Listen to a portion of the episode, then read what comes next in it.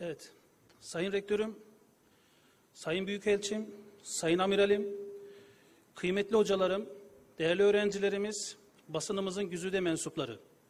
Karadeniz Teknik Üniversitesi Sürmene Deniz Bilimleri Fakültesi ile yine Karadeniz Teknik Üniversitesi Stratejik Araştırmalar Merkezi tarafından organize edilen Mavi Vatan Türkiye Jeopolitik ve Jeostratejik Açıdan Bir Değerlendirme adlı sempozyumumuza hoş geldiniz.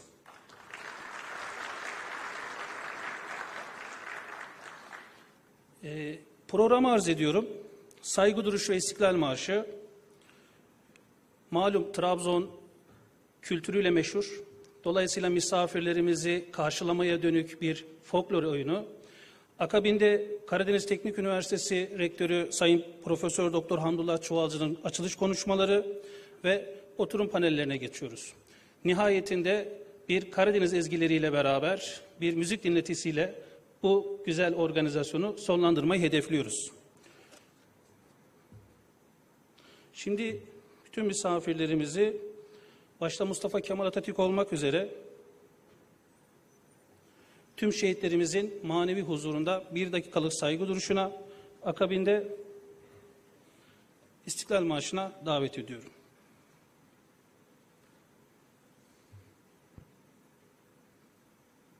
Dikkat.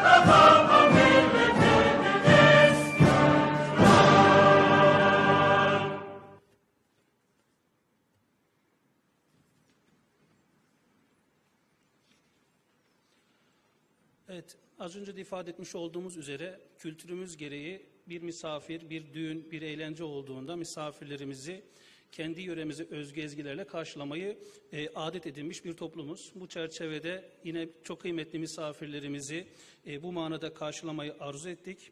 Şimdi Trabzon İmece Gençlik Spor Kulübü Derneği Trabzon yöresi oyunlarıyla beraber programımıza devam ediyoruz. Buyurunuz.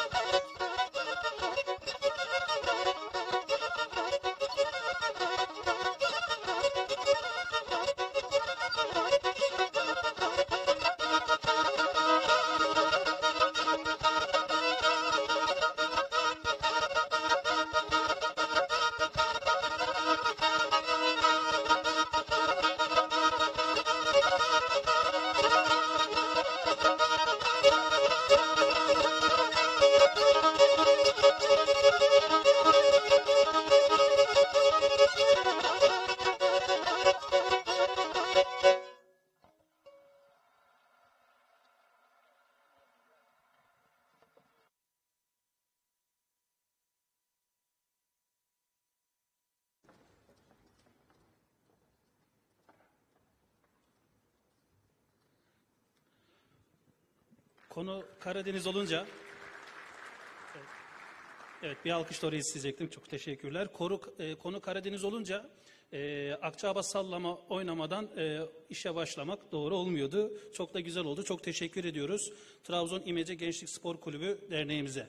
Şimdi açılış konuşmalarını yapmak üzere Karadeniz Teknik Üniversitesi Rektörü Sayın Profesör Doktor Hamdullah Çuvalcı hocamızı arz ederim.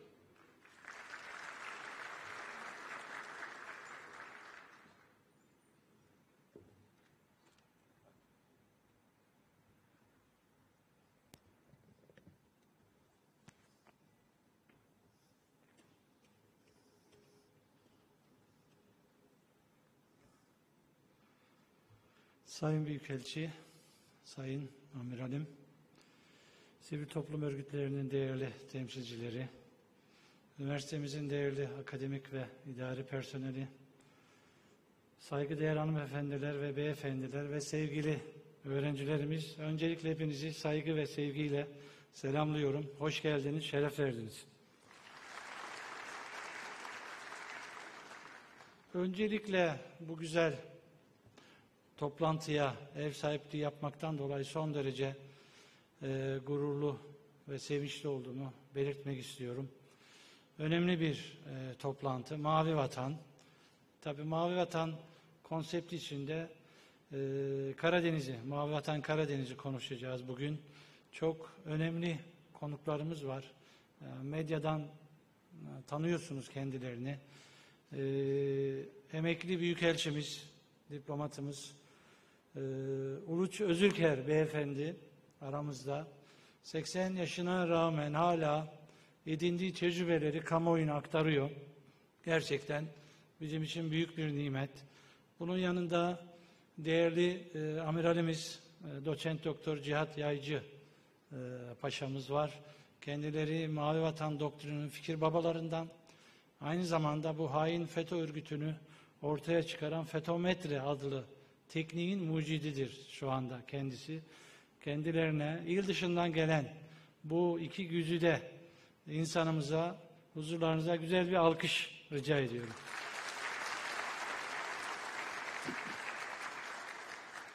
Tabi bunun yanında bugün değerli hocamız Saadet Profesör Doktor Saadettin Korkmaz hocamız da var.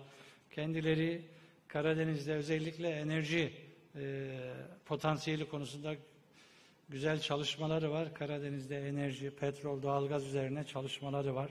Jeoloji mühendisliği bölümünde. Ee, ilginç yani bunu Sercan Hoca özellikle mi ayarladı bilmiyorum. Yani Saadettin Hoca da haftaya emekli oluyor Katü'den. Yaklaşık 45 yıllık bir memuriyet hayatı, 35 yıllık Katü'de e, akademisyen olarak çalışmış. E, bugün belki bize son dersini verecek. Kendilerine üniversitemize ve jeoloji mühendisliği bölümüne yaptığı katkılar için teşekkür ediyorum. Evet, Mavi Vatan, e, Türkiye'nin uluslararası hukuk çerçevesinde meşru deniz yetki alanlarındaki haklarını ifade eden Mavi Vatan doktrini, ülkemizin Karadeniz, Akdeniz ve Ege'de ilan ettiği deniz yetki alanlarını kapsamaktadır. Türkiye ile Libya arasında gerçekleşen deniz yetki alanlarının sınırlandırılması anlaşması Mavi Vatan doktrinin somut adımlarından biridir. Mavi Vatan'ın bir parçası olan Karadeniz, jeopolitik ve jeostatü özelliği itibarıyla tarihsel süreçte Türkiye ve diğer bölge ülkeleri için olduğu kadar Uzak Asya'dan Amerika'ya kadar dünyadaki hemen bütün büyük güçlerin kontrol etmek istediği bir bölge olmuştur.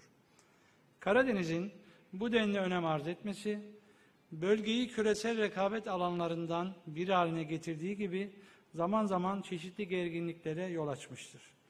Ülkemiz ile Sovyet Sosyalist Cumhuriyetleri Birliği arasında 1978 yılında imzalanan kıta sahanlığı sınırlandırma anlaşması 1986 yılında münhasır ekonomik bölge sınır olarak kabul edilmiş ve bu tarihten sonra Karadeniz Türkiye için bir barış denizi olmuştur. Türkiye'nin izlediği barışçı politika Karadeniz'i sıcak çatışmalardan uzak tutmada etkili olmuş, Doğu Batı enerji ve ticaret yollarının en güvenli güzergah haline gelmesini sağlamıştır. Mavi Vatan doktriniyle deniz yetki alanlarını belirleyen Türkiye, enerji bağımsızlığı adımlarını hızlandırırken milli enerji ve maden politikası kapsamında 3 sondaj gemisi, 2 sismik araştırma gemisiyle denizlerdeki çalışmalarını sürdürmektedir. Mavi Vatan'da yapılan araştırmaların ilk meyvesi Karadeniz Sakarya sahasının Tuna 1 bölgesinde bulunan doğal gaz re- rezervinin alınmasıyla Karadeniz'in önemini bir kez daha ortaya çıkarmıştır. Son dönemde Rusya-Ukrayna gerilimi, Kazakistan'da meydana gelen olaylar ve Karabağ zaferi sonrasında Türkiye-Ermenistan ilişkileri dikkate alındığında bugün burada çok kıymetli panelistlerimiz ile Mavi Vatan Karadeniz, jeostratejik, jeopolitik ve enerji açısından bir değerlendirme temalı bir panel gerçekleştirerek akademik olarak farkındalık yaratmayı ve Mavi Vatan doktrinine bu manada katkı sağlamayı hedefliyoruz. Bu kapsamda kıymetli sunumlarıyla katkı sağlayacak olan emekli büyükelçi Sayın Uluç Özülker Bey'e ve Türk DEX Başkanı Tümamiral Doçent Doktor Cihat Yaycı'ya ve Prof Doktor Saadettin Korkmaz hocamıza teşekkür ediyor, teşekkür ediyor ve konferansın hayırlı olması dileğiyle hepinize saygı ve sevgilerimi iletiyorum.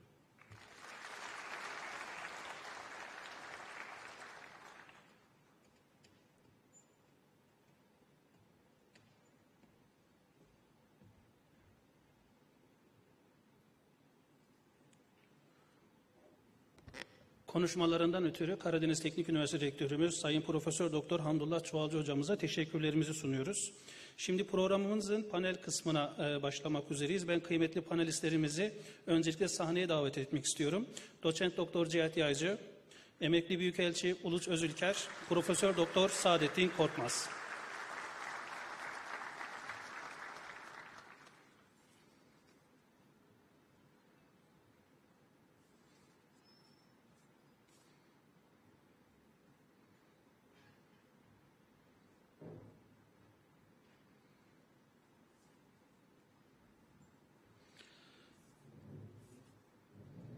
Şimdi ilk sunumlarıyla karşımızda e, doçent doktor Cihat Yaycı hocamız olacak. E, doçent doktor Cihat Yaycı 1984 yılında Deniz Lisesi'nden, 1988 yılında Deniz Harp Okulu'ndan, 2003 yılında ise Silahlı Kuvvetler Akademisi'nden mezun olmuştur. Marmara Üniversitesi İnsan Kaynakları Yüksek Lisansı e, e, Naval e, Postgraduate'den, e, School'dan e, fizik mühendisliği ile elektronik mühendisliği dallarında yüksek lisans, İstanbul Üniversitesi'nde ise uluslararası ilişkiler doktorası yapmıştır. E, Tümemeral Yağcı 2012-2014 yıllarında Moskova Silahlı Kuvvetler Ateşesi, 2014-2015 yılları arasında Güney Görev Grup Komutanı ve Çok Uluslu Deniz Güvenliği Mükemmeliyet Merkezi Direktörlüğü, 2015-2016 yılları arasında Çok Uluslu Müşterek Harp Merkezi Komutanı görevini deruhte etmiştir. 2000 e, 20 Ağustos 2017, 19 Mayıs 2020 tarihleri arasında Deniz Kuvvetleri Komutanlığı Kurmay Başkanlığı görevini yürüten yaycı 19 Mayıs 2020 tarihinde Deniz Kuvvetleri Komutanlığı'nda görevini kendi isteğiyle emekliye ayrılmıştır. Hali hazırda Avrasya Stratejik Araştırmalar Merkezi ve TÜRKDES Başkanı olarak e, faaliyetlerini sürdürmektedir. Mavi vatan nedir? Mavi vatan deyince ne anlamamız gerekir? Bu mavi vatandaki yetkilerimizi e, nasıl e, algılayarak e, bunu savunmamız ve doktrinin nasıl oluştuğunu önce öğrenmemiz gerekiyor. Bu çerçevede de Mavi Vatan Doktrini'nin e, kurucusu Sayın Doçent Doktor Cihat Yaycı'ya sözü vermek isterim. Buyurun hocam. Sayın Rektörüm, değerli konuklar, sevgili öğrenciler, hepinize saygı, sevgi ve muhabbetle selamlıyorum. Böylesine güzel bir program düzenlediği için Karadeniz Teknik Üniversitesi'ne, Sayın Dekanımıza, Sercan Hoca'ya özellikle çok çok teşekkür ediyorum. Ve burada Saadettin Korkmaz hocamızın son dersine teşrif etmek şerefine nail olduğumuz için de kendimizi ayrıcalıklı hissediyoruz. Biz de bu son dersi almak üzere geldik aslında buraya. Tabii. Gerçekten öyle. Estağfurullah. Gerçekten de öyle. Şimdi Sercan Hocam ben bunu gösterebilecek miyim, atlayabilecek miyim? Oradan mı versem? Bir şey varsa. Evet. Hocam arzu ederseniz kürsüde isterseniz oturduğunuz yeri nasıl arzu ederseniz. Ben şöyle, müsaade ederseniz şöyle başlamak istiyorum. Şimdi önce şunu yıkalım. Türkler denizci değildi. Şimdi bu lafı çok duyarsınız. Hem de bu lafı bu işi meslek edinmiş olan amirallerden daha iyi duyarsınız. Çok yanlış. Çok yanlış. Bir kere bunu yıkalım. Hele hele biz Trabzon'dayız. Türklerin denizci olmadığını söylemek son derece abesle iştigaldir. Halktan, tarihten kopuk olmak demektir. Yani bunu sivil asker denizci ya da akademisyen söylerse çok yanlış olur. Türklerin tarihinin 1071 ile Anadolu'da başladığını düşünmek de çok yanlış olur. Yani Anadolu'daki Türk tarihi 1071 ile başlamaz. O da çok nettir.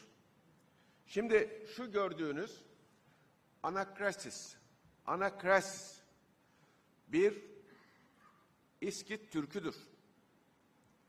Milattan önce 4000 yılına kadar gider. Şimdi bizim bu İskit Sakaların prototürk olduğundan bir şüphe yok. Mesela Tomris ilk bilinen Türk kadın ismidir. Değil mi? Tomris Hatun, Tomris Sultan İskitlerden gelir. Sakalardan gelir. Atlarıyla gömülürler, kımız içerler, Türkçe konuşurlar. Geldikleri yer Yakutistan'dır. Kuzey Kutup Dairesi'nden gelirler. Nereye gelirler? Karadeniz'e gelirler. Karadeniz'in doğu ve kuzey sahiline gelirler. İskit devletini kurarlar Karadeniz'de. Gemicilikle uğraşırlar. Antik Yunanlılar Kuzey Kutup Denizi'ne, Kuzey Okyanusu'na, Kuzey Buz Denizi'ne ne diyorlar biliyor musunuz? Saka Okyanusu. İskit Okyanusu diyorlar. Şimdi bu Anakrasis tutuyor Odessa'dan İskit Devleti'nde Atina'ya gideceğim diyor. O zaman da bizimkiler Yunanlılardan pek hoşlanmıyorlar. Ve diyorlar ki Anakrasis'e ya kardeşim nereye gidiyorsun sen? Seni zehirlerler orada. Yani fikren zehirlerler. Gitme diyor ama bu gidiyor. Oraya gidiyor. Bakıyor ki ya bunlar tek kanatlı çıpa kullanıyorlar. Ya da sadece düz bir demir atıyorlar teknelerini tutmak için. Diyor ki ya böyle tekne tutulmaz. Denizde durmaz. Biz İskit Türkleri çift kanatlı çıpa kullanırız diyor. Çift kanatlı çıpa kullanırız diyor. Ve neticede onlara çift kanatlı çupayı anlatıyor. Sonra Odessa'ya dönüyor. Fikren zehirlendiği kanaatiyle Odessa'da gereği yapılıyor adamcağıza. Ama netice böyle. Şimdi anak harsis, anak karsis. İngilizce, burada denizci öğrenciler var. İngilizce demirlemenin karşılığı ne? Anchor, anchoring. İşte buradan geliyor. Yani Türklerin denizci olmadığını söyleyen varsa tarihi bilmiyor demektir. Şimdi Roma İmparatorluğu'nun kurucularının Etrüks oldukları konusunda da bir şüphe yok.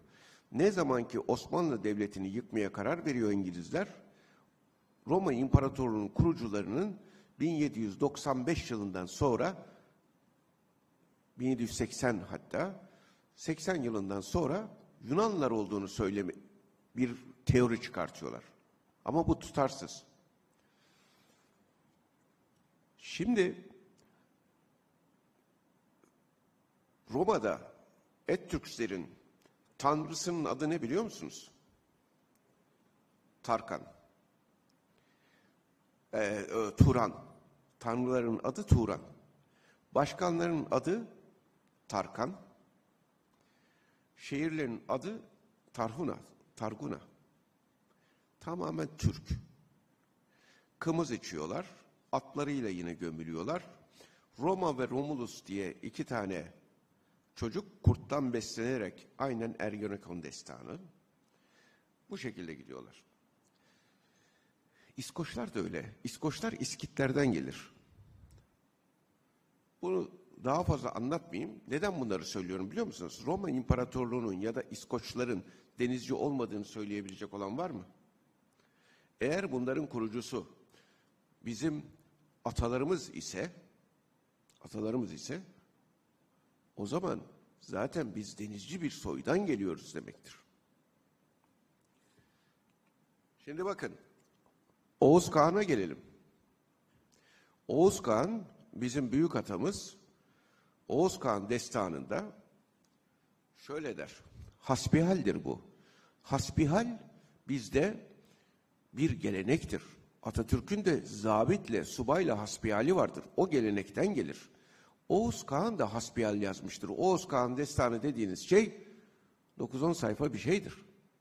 Şimdi burada şunu söyler Oğuz Kağan. Devleti, ülkeyi tarif ederken, hedef koyarken. Daha deniz, daha ırmak. Güneş tu olsun, gökyüzü çadır. Yani daha deniz diyor. Daha deniz diyor. Osmanlı Devleti Portekiz'in yol ikmal yollarını kesebilmek için Sayın Büyükelçimle sohbette sohbet ederken bu konuyu konuştuk. Zanzibar'ı Tanzanya'nın Zanzibar adasını fethediyor. Oraya gidiyor, oraya yerleşiyor. 1087'de Sultan Melikşah Antakya'da denize ulaştığı zaman şöyle diyor. Ey babam Alparslan sana müjdeler olsun. Henüz bir çocuk olarak bıraktığın oğlun dünyayı baştan başa fethetti. Kılıcını denize sokar, soktuğu zaman söylüyor bunu. Selçuklu sultanlarının adı, tabiri Sultanul Bahreyn'dir. Yani iki denizin sultanıdır. Biz denizlerle çok içeceğiz. Türkler denizci değildi demek, Türklerde bir aşağılık kompleksi oluşturmak demektir. Türkler denizle iç içe değildi demek, Türkleri küçümsemek demektir. Türklerin kendine güvenini sarsmak demektir. Bizim atalarımız denizciydi, denizle büyüdüler, denizden uzaklaştırılarak, yenilgilere uğratılarak küçültüldüler. Biz onun için büyük devlet olmak istiyorsak denizle iç içe olmalıyız, denizle de büyümeliyiz. Bakın eğer biz denizci olmasaydık 1071'de Anadolu'ya Türkler ilk defa girmemişlerdir. Son defa girip Anadolu'yu yurt edinmişlerdir. Anadolu'ya 1071'de girerken Malazgirt zaferiyle son kez sanmayın ki sadece askerler girdi. Arkalarında yayalar halinde, kanılar halinde çoluk, çocuk, yaşlı, kadın herkesle beraber girdiler. Ordu galip gelince arkadan bu aileler geldiler. Tren yoktu, uçak yoktu, otobüs yoktu, kamyon yoktu. Bunlar yaya ve atlı olarak düşünebiliyor musunuz? Tam 10 sene sonra 1081 yılında donanma kurdular. Yahu sen denize ulaşmayı nasıl hedef edindin de o dönemde 10 sene sonra Çeşme'de donanma kurmayı akıl ettin? Denizci olmasaydın, ruhunda denizcilik olmasaydı, senin Oğuz Kağan'ın oğullarından bir tanesinin ismi Denizhan olur muydu? Şimdi 1081'de Türk Deniz Kuvvetleri'nin kuruluş tarihi de 1081 olarak alınır bu nedenle. Donanmayı kurduktan 4 sene sonra, 3 sene sonra 1084'te Sakız ve Midilli adalarını fethediyor Türkler. Çok önemli bir şeydir. Çok önemli bir şeydir. Ada fethetmek nereden çıktı? Hani sen denizci değildin? Adadan sana ne? 1090'da 1090'da Bizans demiyoruz. Bakın Bizans diye bir şey yoktur. Onun tekrar altını çizelim. Burada tarihçi olan akademisyenler varsa mutlaka katılacaklardır. Bizans diye bir şey yoktur. Doğu Roma İmparatorluğu vardır. Bizans dediğiniz zaman Rum ve Yunan'a Yunan'ın atfettiği yeni bir yapı, tarihte bir tutunacak noktayı desteklemiş olursunuz. Bizans İmparatorluğu diye bir imparatorluk yoktur. Doğu Roma İmparatorluğu vardır. Fatih Sultan Mehmet Han da İstanbul'u fethettiği zaman kendisini Doğu Roma İmparatorluğu olarak ilan etmiştir. Bizans daha sonradan Rum, Yunan, Yunan'ın kendisinin bir devlet kurduğu imajını oluşturmak için sonradan uydurduğu bir konudur. Onun için Bizans İmparatorluğu yoktur. Doğu Roma İmparatorluğu'nun donanmasını pert etmiştir Çaka Bey. Donanmasız bırakmıştır. Şimdi neticede tarihte bunu söyledikten sonra, Türkler denizciydi dedikten sonra şu konuya geçelim kısaca. Denizler bitmez, tükenmez bir servet kaynağıdır. Canlı ve cansız kaynaklarıyla. Bugün dünyada gördüğünüz her 16 kişiden bir tanesi balıkçılıktan gelir elde ediyor. Düşünebiliyor musunuz? Her 16 kişiden bir tanesi. 500 milyondan fazla insan sadece gelirini balıkçılıktan elde ediyor. Şimdi ben soruyorum. Şu salonda ailesinde balıkçı olanlar el kaldırsın. Trabzon'dayız bakın. Ailesinde balıkçı olanlar el kaldırsın. 1, 2, 3, 4, 5, 6, 7, 8, 9, 10 kişi diyelim. Bakın 300 kişide 10 kişi var. 30'da 1. Ki Türkiye'nin Türkiye'nin en denizci şehrindeyiz. Türkiye'nin en denizci şehrindeyiz. Onun için biz denizlerin kıymetini çok iyi bilmeliyiz. Şimdi denizler bu kadar bitmez tükenmez servet kaynağı olunca devletler de denizleri paylaşma mücadelesine girmişler. Bunu hukuki olarak paylaşmak da işte bir takım kavramlar geliştirilmiş.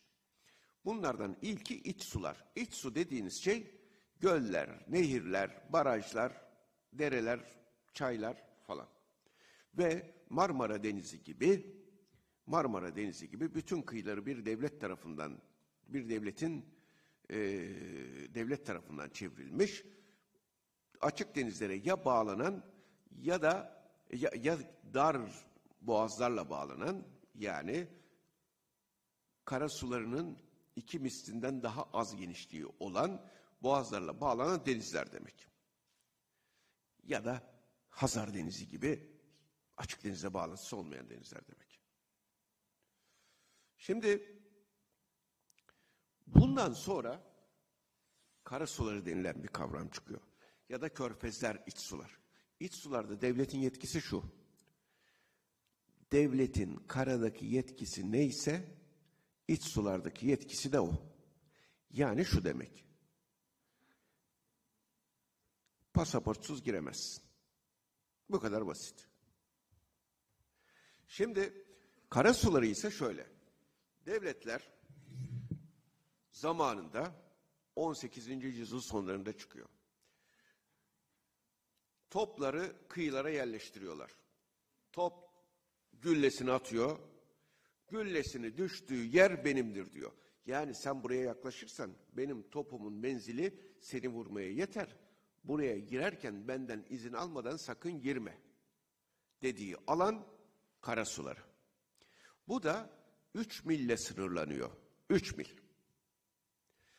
Daha sonra gel zaman git zaman bu 3 mil gerek silahların menzili gerekse devletlerin daha fazla hükümranlık alanı genişletmek için 12 bire kadar 1982 Birleşmiş Milletler Deniz Hukuku Sözleşmesi ile çıkartılıyor. 12 mil olmuyor. 12 mile kadar çıkartılabilir. Mile kadar. Bunun altını çizelim. Sonra bu kara sularında devlet hemen hemen iç sulardaki kadar yetkilere sahip. Ama gemilere, başka ülkelerin, başka devletlerin gemilerine bir takım geçiş izinleri veriyor. Transit geçiş, zararsız geçiş yapma gibi. İç sulardan farkı kara sularının bu. Devletler hukukunda, kamu hukukunun altındaki devletler hukukunda aslında deniz ülkesi denilen kavram kara sularıyla sınırlıdır. Ama bu eski bir kavramdır. Ülkeler sadece hukuki rejimin ötesinde ekonomik olarak da bir takım yetkileri sahip olmak istemişlerdir denizlerde.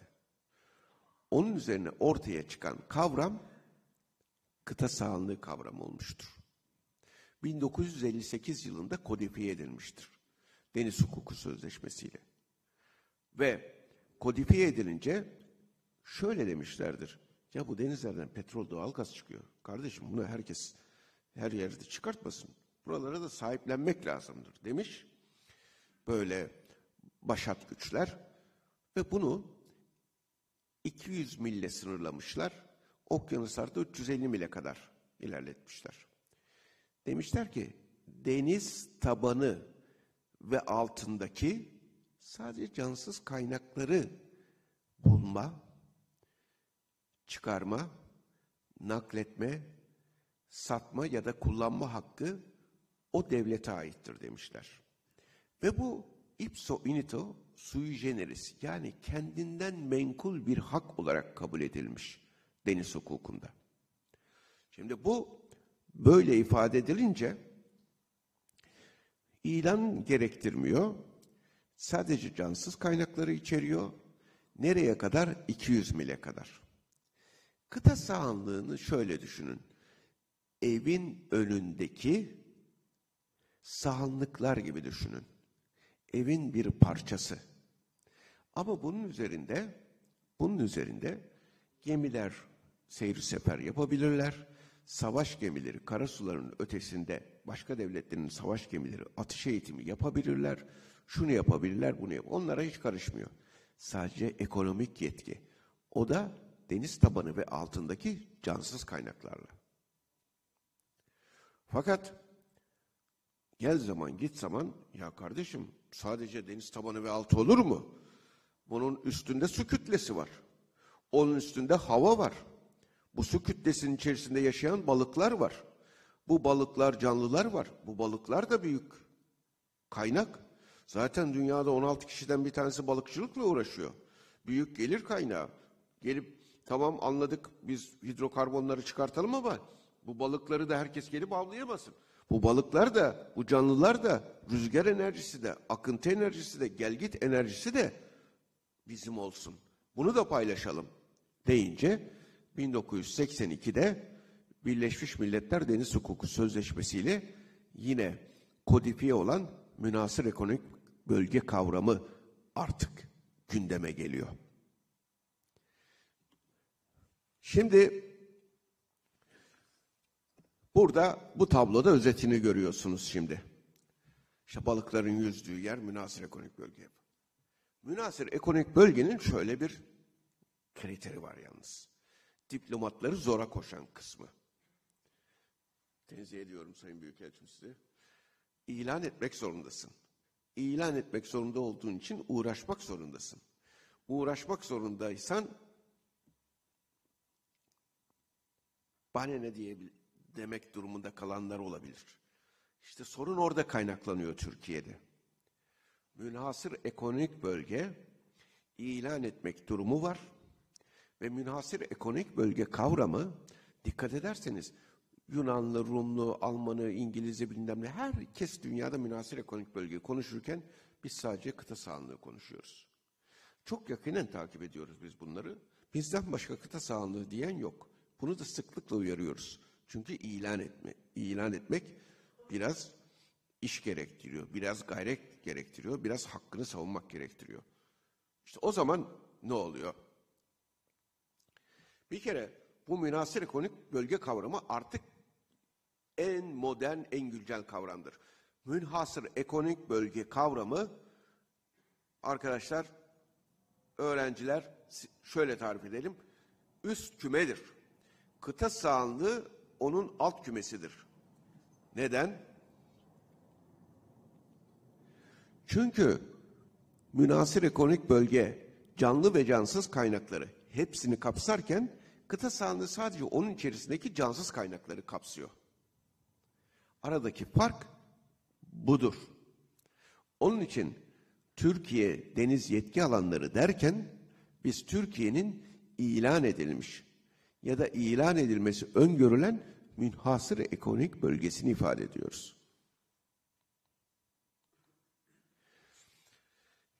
Şimdi Türkiye bir deniz ülkesidir.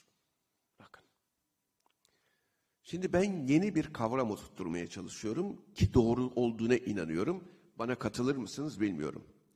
Türkiye bir yarımada ülkesidir. Sözü söylenir. Türkiye bir yarımada ülkesidir. Doğru mu? Hep kulaklarımız buna aşinadır.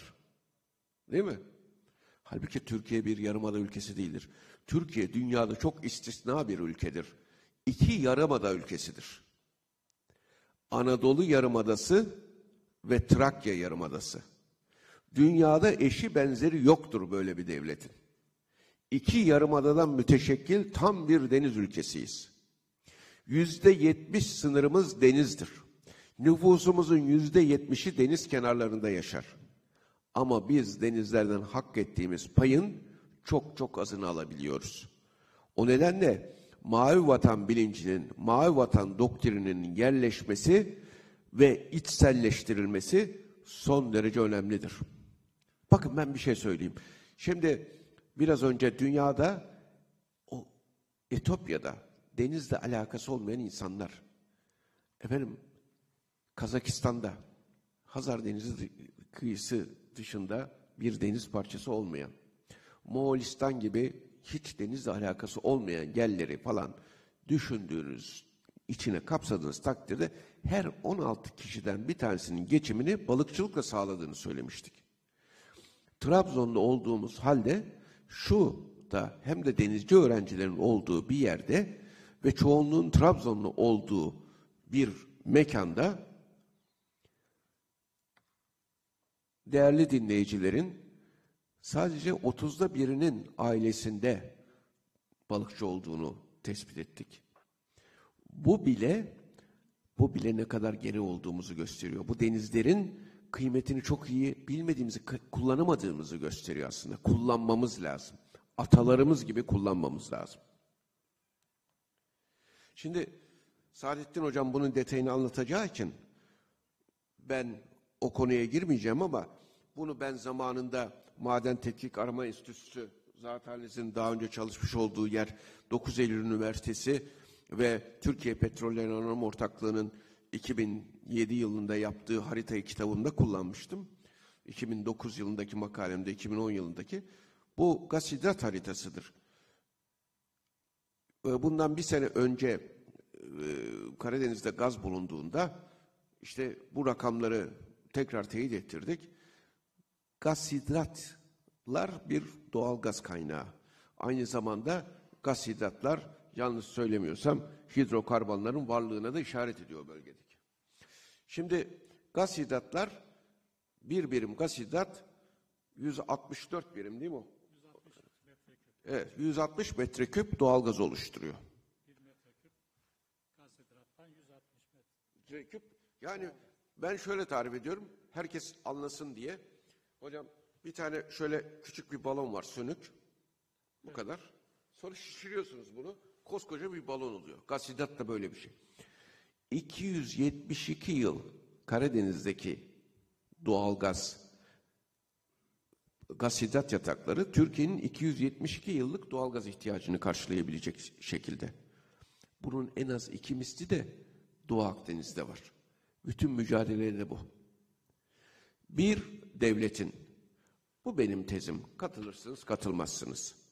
Ama bir devletin büyük devlet olabilmesi için bana göre bir gerek şartı, iki de yeter şartı olması lazım. Gerek şart şu, iç huzuru temin etmiş olmak. Türkiye'nin bunda en ufak bir sorunu yok. İç huzur demek iktidar muhalefet çatışması demek değildir. İç huzur demek kanunların, nizamların, mahkemelerin, işte vergi dairelerinin, trafik polislerinin, doktorların falan olduğu her yerde devletin bu hizmetlerini götürebildiği yer, ülkeler demek. Çok şükür. Gerek şart bu. Yeter şart, birinci yeter şart enerjide dışa bağımlılığı yıkmak demektir. Gerek. Enerjiyle dışa bağımlı olan devletler kesinlikle büyük devlet olamazlar. Türkiye'nin enerjiye dışa bağımlılığı da ancak denizlerle, denizlerdeki bu hidrokarbon kaynaklarıyla yıkılabilir. Bunun göstergesi de çok net, işte geçenlerde bulunmuş olan ve Türkiye Cumhuriyeti tarihinde, Türk tarihinde en fazla bulunmuş olan doğalgaz rezervine sahip olduk. Ben sadece bunun bir başlangıç olduğunu düşünüyorum. Nükleer teknolojiye sahip olmadan da ikinci gerek şart, yeter şart da şu, nükleer teknolojiye sahip olmak. Bu barışçı amaçlarla. Şimdi düşünün, üç gündür doğal gaz yüzünden elektrik verilemiyor. Nerelere? İran doğal gazı kesti diye. Sanayilere. Değil mi? Peki, nükleer enerji santralimiz olmuş olsaydı, biz çalışıyor vaziyette olsaydı, biz böyle bir sorunla karşılaşabilir miydik? İşte nükleer enerji santraline karşı çıkanların gerçek niyeti Türkiye'nin enerjide dışa bağımlılığını ortadan kaldırmasına engel olmak demektir. Bunun altını çizelim. Hidroelektrik santralleri beğenirsiniz beğenmezsiniz. Çevre konusu vesaire konusu. Sanayide hidroelektrik santralleri bizim su kaynaklarımız daha etkin olarak kullanılsa bugün sanayide elektrikler kesik olur muydu? Yarın bir gün sorum şu. Doğalgaz gelmediği için, elektrikte ısınmada olmadığı için evlerde ısınma olmasa hidroelektrik santrallerine karşı çıkanlar ya da nükleer santrallere karşı çıkanların tavrının nasıl olabileceğini düşünebiliyor musunuz? Değil mi?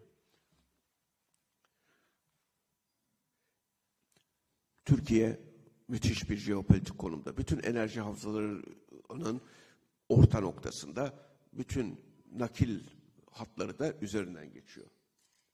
Türkiye Karadeniz'de en uzun kıyıya sahip ve etrafındaki denizlerde de en uzun kıyıya sahip. Akdeniz'de en uzun kıyıya sahip. Şimdi böyle olunca daha detayını anlatmayayım, vaktinizi almayayım. İşte neticede bu haritayı ben yaklaşık 17 senede çizdim. Şimdi sanılıyor ki ben bu Mavi Vatan haritasını 462 bin kilometre kareyi oturdum, elime cetveli aldım, var emekli albaylar var, karacı maracı, eline cetvel alıyor, bir kurşun kalem alıyor, bir de silgi alıyor, bazı akademisyenler var öyle. Çiziyor. Halbuki bu çok özel, her burun üzerinde ayrı ayrı çalışılması gereken bambaşka bir tekniktir. Burada deniz hukukunu çok iyi bilmek lazım. Haritacılığı çok iyi bilmek lazım ve denizciliği çok iyi bilmek lazım. Ben benim şansım o oldu. Ben bir deniz subayı olarak denizleri bilirken haritacılığı da bildim, öğrendim. Haritacılığı da zaten denizciler gayet iyi bilir tekniklerinde. Deniz hukukunu da çalıştım, üçünü birleştirdim. Onun için her akademisyenin, her amiralin böyle bir bilgi sahibi olması mümkün değil. Sakın yargılamayalım. Şimdi bazen konuşmalar olur. Ben görüyorum, sempozyumlar düzenleniyor, ahkam kesiliyor. Ben bir gün devletimizin bir büyüğüne şöyle söyledim. Efendim dedim, orada sizin adınıza ahkam kesenlerden bir tanesine şunu sorar mısınız dedim profesörler. Ben bir enlem ve boylam vereceğim. Sadece o noktayı haritada göstersin. Ben o zaman başka bir şey söylemeyeceğim. Bir tanesi dahi bir enlem ve boylamı haritada birleştirip o noktayı koyamayacak insanlar Türkiye'de ahkam kestiler. Ve Türkiye'de çok zaman kaybettirdiler. Maalesef. Mavi vatanın tarifi budur. Bu tarif işte Türkiye'nin uluslararası hukuktan kaynaklanan hakları çerçevesinde deniz hukuku prensibine uygun şekilde ilan edilmiş ya da ilan edilmesi öngörülen deniz yetki alanlarıdır. Yani en son kertede münhasır ekonomik bölgesidir. Karadeniz. Şimdi diyeceksiniz ki kirpiye yavrusu pamuk görünürmüş. Türkiye ve Karadeniz dünyanın merkezidir desem ya Büyükelçim öyle demez de bir başka büyükelçi de şöyle diyebilirdi. Bir başka ülkenin. Orta Doğu'yu da katarsanız sevfikirim. Değil mi? Değil mi? Orta Doğu, bunu işte bu merkezde şöyle der. Ya bugün Ekvator'a gitsen, Ekvator kendisini dünyanın merkezinde gösteriyor haritasında. Moğolistan'a gitsen, Moğolistan haritası koyuyorlar, dünyanın merkezinde gösteriyor. Herkes kendi ülkesini dünyanın merkezinde gösterir gittiğiniz zaman ülkelerde. Ama öyle değil. Gerçekten biz merkezindeyiz çünkü bütün jeostratejik teorilerin, jeopolitik teorilerin hepsinde ya kenar kuşak teorisinde ya deniz egemenliği, Maha'nın deniz egemenliği teorisinde ya da işte kapkah olarak tabir edilen yerlerde hep bizim biz göbeğinde yer alırız. Türkiye ve Karadeniz göbeğinde yer alır. Bu bölgeye hakim olan dünyaya hakim olur denir. Karadeniz'de Türkiye en uzun kıyıya sahiptir. Ve işte Mavi Vatan'ın Karadeniz parçası şöyle çizilmiştir. Biraz önce de Sayın Rektörümüzün ifade ettiği gibi 1978'de bir kıta sahanlığı anlaşması yapılmıştır. 1982'de Birleşmiş Milletler Deniz Hukuku Sözleşmesi imzalanmıştır. Türkiye o dönemde en ama en sert şekilde Soğuk Savaş'ın cephe ülkesiydi. Kanat ülkesiydi. Sovyetler Birliği karşısında NATO'nun bir kanat ülkesi, cephe ülkesiydi. O kadar gergin durumda 1986 yılında Türkiye bunu münasır ekonomik bölgeye çevirdi. Münasır ekonomik bölge ilan etti. Ve takip eden 11 sene boyunca 1997'ye kadar da ilgili devletlerle tek tek anlaşma yaparak daha sonra 1991'de Soğuk Savaş bitti, Sovyetler Birliği yıkılınca Karadeniz'de üç tane ayrı devlet çıktı. Ukrayna, Rusya, Gürcistan. Bunlarla tekrar anlaşma imzalayarak 1997'de tamamen Karadeniz'de münasır ekonomik bölgemiz tespit ve tescil edilmiş oldu, teyit edilmiş oldu. Şu anda Karadeniz'de efendim gaz çıkardık, petrol çıkardık, bilmem ne yaptık, sorun olur mu diyenler varsa asla sorun olmaz. Burada kendi münasır ekonomik bölgemiz içerisinde her şey yerli yerindedir. Hiç kimsenin de bir sorunu yoktur. Şimdi şeytanın sağdan yanaşması gibi bazı dönemlerde şöyle şeyler oluyor. Efendim biz Karadeniz'de aslında biraz daha fazla almalıydık. Tekrar bunu görüşmek lazım. Bunlar şeytanın sağdan yanaşması. Türkiye'yi yeni bir çatışma alanına sürükleme demektir. Şu andaki bizim münhasır ekonomik bölgemiz deniz hukukuna göre son derece uygun, makul ve adildir. Onun için bu tür şeyleri mutlaka altından ya bu hain FETÖ'cüler çıkar ya da Türkiye düşmanları çıkar, başka Türkiye düşmanları. İşte Türkiye'nin şu andaki münhasır ekonomik bölgesi bu şekildedir. Gördüğünüz gibi Türkiye Karadeniz üzerinden ve Karadeniz bölgesi üzerinden çok ciddi boru hatlarına da sahiptir. Stratejik önemi de ziyadesiyle fazladır. Aynı zamanda boğazlar bizim en önemli kritik yerimizdir. Biz Karadeniz'de istikrarı şöyle sağladık. Birincisi Montreux Sözleşmesi. Şimdi Montreux Sözleşmesi 1936 yılında imzalandı ve 1936 yılında imzalanırken Türkiye 1923'teki Lozan Boğazlar Sözleşmesi'ndeki komisyonun bütün yetkilerini devralmış oldu. Şimdi en önemli fark bu. Komisyonun yetkilerini devraldı. Aslında Montreux Sözleşmesi ile deniz hukukuna göre, şimdiki deniz hukukuna göre biz uluslararası eee camiaya fedakarlık yapıyoruz. Neden? Çünkü çünkü onu söyleyelim. Marmara bir iç deniz. Çanakkale ve İstanbul boğazları da birer ulusal boğaz, uluslararası boğaz değil. Bunu bazı cahiller ya da kasıtlı olarak Cebeli Tarık Boğazı'yla, Hürmüz Boğazı'yla falan karşılaştırmaya çalışıyorlar. Ya bunlar Cebeli Tarık Boğazı iki devlet tarafından hatta üç devlet tarafından çevrilmiş bir boğaz. Ve açıklığı iki çarpı karasularından daha fazla genişliği. Hürmüz Boğazı deseniz zaten bir deniz.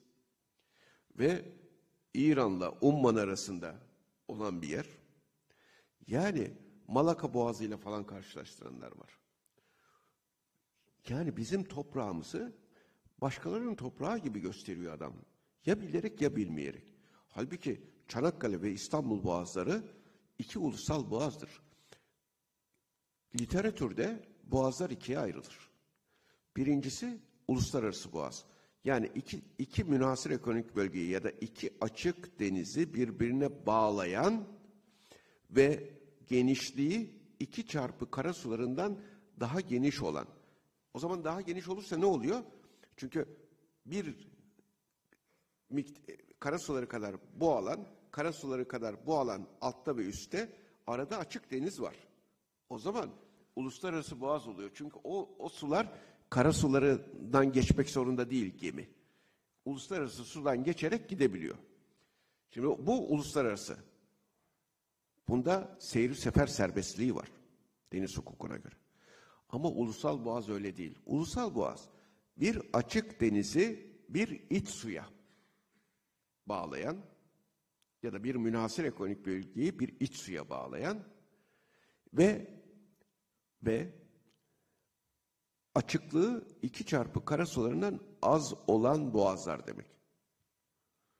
Çanakkale Boğazı Adalar Denizi'ni bir iç su olan Marmara Denizi'ne bağlar. Marmara Denizi'ni Karadeniz'e de İstanbul Boğazı bağlar. Tam ulusal boğazdır. İç su rejimine tabidir. Ama Türkiye bunu 1774 Küçük Kaynarca Anlaşması'ndan beraber işte önce ikili 1841'den sonra da çoklu anlaşmalarla geçiş rejimini düzenlemiştir sadece. Egemenlik değil. Altını tekrar çiziyorum. Montreux Sözleşmesi boğazların tapusudur diyen tam bir cahildir. Ne devletler hukukunu biliyordur, ne de sözleşmeyle egemenlik tesis edilemeyeceğini biliyordur.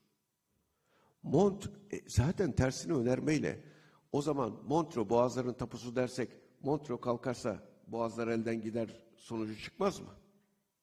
Böyle bir durum söz konusu değil. Hiçbir zaman egemenlik tartışmış, tartışılmamıştır. Sadece geçiş rejimi tartışılmıştır. Bu çok önemlidir. O nedenle ama Montreux çok önemlidir. Neden biliyor musunuz? Montreux bizim başımızı hiç sıkıntıya sokmaz.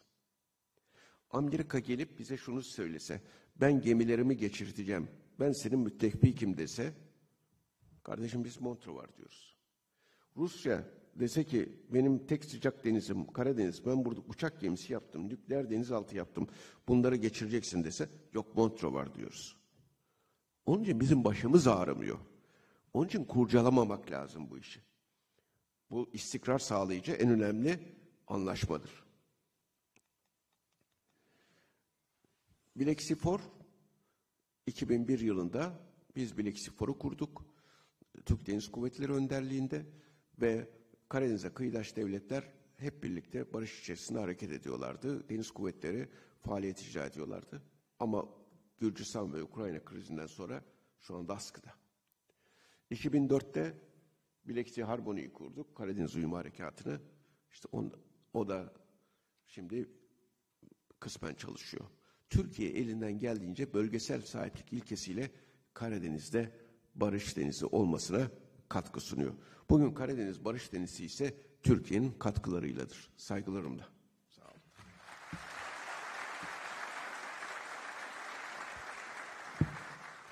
Evet, e, Sayın Doçent Doktor Cihat Yaycı'ya e, Mavi Vatan kavramı konseptinde çizmiş olduğu bu kavramsal çerçeve için teşekkür ediyoruz. Şimdi teorik olarak Mavi Vatan'ı deniz yetki alanlarının neler olduğunu, ne anlama geldiğini öğrendikten sonra acaba Karadeniz e, uluslararası düzeyde e, bir e, çatışma bölgesi mi, nasıl bir strateji izleniyor, ülkemizin politikalarının bu yöndeki duruşu nasıldır diye baktığımızda bu sefer tabii ki sözü e, kıdemli, emekli artık hangi duayen e, sıfatlarını takabileceğimiz Sayın Büyükelçimize devretmek istiyorum.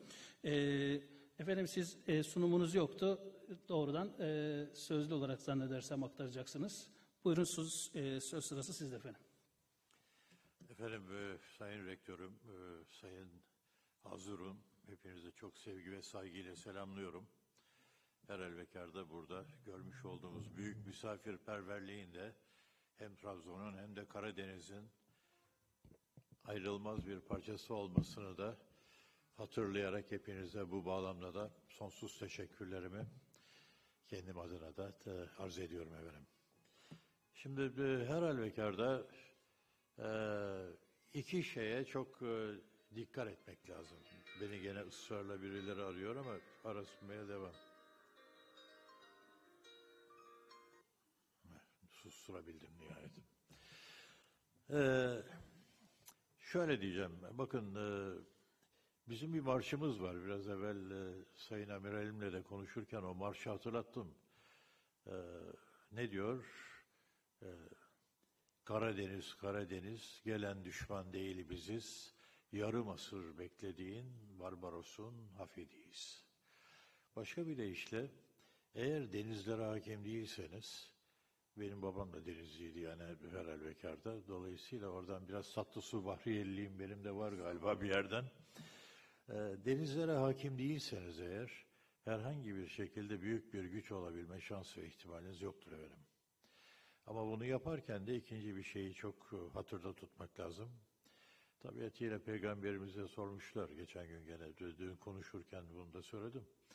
Ee, bana bize demişler hep e, Müslümanlığın şartı beştir diyorsun. Bir, gene bir anlatsana ey peygamber. O da cevap vermedi. Bir dakika yanlış biliyorsunuz. Beş değil altıdır demiş. E nedir altı? Haddini bilmektir demiş. Dolayısıyla e, bir kere silahlı kuvvetlerinizin her şeyden evvel bu denizlere hakim olmak, olabilmek için güçlü olması lazım. Caydırıcılık faktörü bu manada mutlak şekilde diplomasinin olmazsa olmaz önemdeki destekçisidir. Bir savaşı yüzde yüz kazanmış olsanız dahi o savaş mutlaka günlük hayatımızda da aynı şey var. Bir uzlaşıyla bitmek mecburiyetinde. Yani yine bir masanın başına hep beraber oturup müzakere ederek ve buradan herhangi bir şekilde zarar görmeyecek biçimde bir uzlaşı, bir barış çıkarmakla ancak mümkün olabilir. Yine Orta Çağ'dan kalma bir uluslararası hukuk kavramı var. Bu e, kanonik e, felsefenin bir parçası diyorlar ki kanonistler de esas kilisedir. Orta Çağ'da onlar çok güçlüler. Adil barış kavramını ortaya yapmışlardır. Yani başka bir deyişle herhangi bir kimse adaletsiz bir biçimde bir şeyi bitirmeye kalkarsa mutlaka onun bedelini çok ağır şekilde zamanı geldiğinde öder diyor. Mesela Fransa Birinci Dünya Savaşı sonunda Almanya'yı işte bu sefer yakaladık, ezdik diye ortaya çıkmıştır. Bunun bedeli, adil olmayan bu davranışın bedeli İkinci Dünya Savaşı'nda 70 milyon cana mal olan bir savaş yaşanmasıyla biter. Dolayısıyla meselelere baktığımız zaman herkesin de imkan kabiliyetleri ve gücü oranında bir uzlaşılıcılık kapsamı içinde diplomasiyi de bu manada caydırıcı bir askeri güçle bütünleşmiş olarak ortaya koyduğu ölçüde başarı kazanacak, kazanılabilecek bir araç olarak değerlendirmesi gerekmektedir.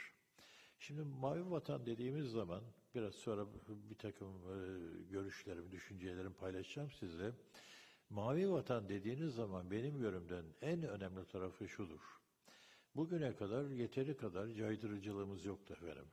E, Yani düşünün ki Kıbrıs çıkarmasını yapmak için iki defa Amerika aramıza girdi. E, iki tane gemiyi gönderemedik karşı tarafa.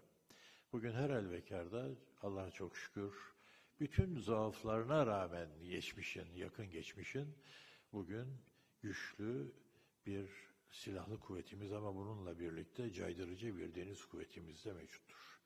Dolayısıyla bugün artık hak ve hukukumuzu daha başka boyutlarda ama hukuk alanına ön plana çıkarmak suretiyle elde etmek üzere mücadeleye girmemiz için zaman ve zemin artık müsait ve bunun da ötesinde gelmiştir. Dolayısıyla e, Mavi Vatan bir tesadüf değil. Sayın e, Amiralim, e, diğer bir iki gene mağduriyet görmüş olan amiralimizle birlikte bu konuyu e, ön plana çıkardılar ve bugün Türkiye'de artık Mavi Vatan dediğiniz zaman Cihat Yaycı adıyla anılıyor ama bunun ötesinde Türkiye Cumhuriyeti'nde onulmaz savunulacak fevkalade önemli bir konusu olarak da gündemimize girmiş bulunuyor. Dolayısıyla evvela mavi vatan kavramını bu bağlamda değerlendirerek yola çıkmak lazım. Ve sağdan soldan gelecek baskılar veya şu veya bu şekilde çıkacak çatlak seslere de kesinlikle herhangi bir önem atfetmeden bizim burada varmış olduğumuz bu noktayı daha da ileri götürerek hak ve hukuk ve nesafet kuralları kapsamında bu meseleyi kendi vazgeçilmez meselemiz şeklinde gündemde tutmak mecburiyetimiz vardır. Şimdi bunları söyledikten sonra niye bunları söylemek ihtiyacı duydum? Size çok uzatmadan diyeceğim ki e, bu, bu Karadeniz meselesi olsun, Doğu Akdeniz meselesi, Ege meselesi, bütün bunlar, bunlar ekonomik değil efendim. Yani zamanında hep ekonomiyle bütünleştirerek ortaya atılmış kavramlardır ama kesinlikle siyasidirler. Ekonomiyle uzaktan yakından var tabii yani kısmen ama uzaktan yakından öyle çok ciddi bir önemi yok. Neden? Size birkaç rakam vererek belki daha aydınlatıcı olabilirim diye düşünüyorum. Mesela evvela daha kolayından başlayalım. Karadeniz'de bugün doğalgaz bulundu. Neden herhangi bir sorun çıkmadan bu iş bitirilebildi? Çünkü Karadeniz'de Akdeniz'in e, hilafına bütün sınırdaş altı ülkenin veya sınırdaş ve sahildar altı ülkenin kendi aralarında bir uzlaşıya vararak antlaşma yapmış oldukları kıta sahanlıkları var. Yani bugün artık Karadeniz'de kimin ne kadar kıta sahanlığı nereye kadar gider, orada hangi hak ve hukukla davranılacaktır? Bu net bir biçimde kağıt üzerinde hayata geçirilmiş bulunmaktadır. Bakın bizim burada bulduğumuz doğal gaz aslında e, küçük bir rezerv değil. Biraz sonra e, Akdeniz'de de küçük bir mukayese yapacağım ama e, göreceksiniz. Her elbekarda Romanya'daki doğal gaz sahasının uzantısıdır. Romanya bunu yıllardan beri oradan doğal gaz çıkarıyor. Biz daha yeni bulduk. Ama her elbekarda hiç kimsenin ağzı açılmadı dikkat buyurursanız. Neden? Çünkü benim kıta sahanlığımın hani o tescil edilmiş, anlaşmaya bağlanmış kıta sahanlığımın içinden çıkmıştır. Ha bu bilmem ne rezervinin uzantısı o onun derdi. Sonuç itibariyle biz burada bunu yaptık. Şimdi 580 milyar metreküp e, civarında bir e, doğalgaz rezervine ulaştık. İnşallah daha fazlası da olur. Onu, e, yani burada bir temenni. Ama çok önemli bir meblağ mıdır bu? Ben kendi yorumdan bunların hepsini tartışmaya açarım. Şimdi bakın Doğu Akdeniz dediğiniz şey, gelelim oraya bir mukayese yapmak için kısaca onu da söyleyeyim. Buradaki doğal gaz ve petrolle ilgili olarak ilk adım Amerika Birleşik Devletleri'nden gelmiştir. 2010 yılında Amerika e, Enerji Dairesi bir rapor yayınladı ve bu raporda çok net bir biçimde Doğu, e, Doğu Akdeniz bölgesinde e, ciddi doğalgaz ve petrol rezervi olabileceğine dair rakamlar verdi.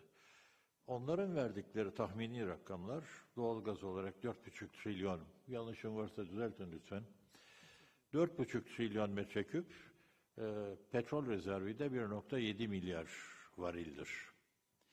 Şimdi burada evvela ilk e, doğal gazı burada bulan e, Mısır oldu efendim. Zor bölgesi diyoruz buna.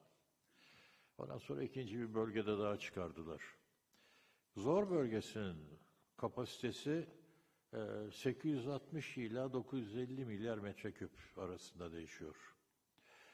E, İkinci e, bulmuş oldukları rezerv sahasıyla birlikte aşağı yukarı Mısır'ın elinde hala hazırda 1.3 trilyon civarında bir metreküp civarında bir e, bulunmuş kapasite var. İkincisi İsrail, ufak bir devlet ama e, bunlar da evvela Leviathan bölgesini buldular. Orada da 630 milyar metreküp e, gaz bulundu. E, bunun yarısını ihraç ederiz, diğer yarısını da kendi kullanımımız için e, ayırırız şeklinde bir düşünceye sahip oldular. İkinci bir saha daha bulundu. Yani başka bir ifadeyle şöyle demek istiyorum. Aşağı yukarı burada e, e, 4,5 trilyon metrekübün yüzde 60'a yakın bir kısmı zaten Mısır ve İsrail tarafından şu sırada bulunmuş bulunuyor. Geriye en son mesela e, Güney Kıbrıs'ın güneyinde bir gaz sahası yeniden bunun da 136 milyar metreküpler ibaret kaldı.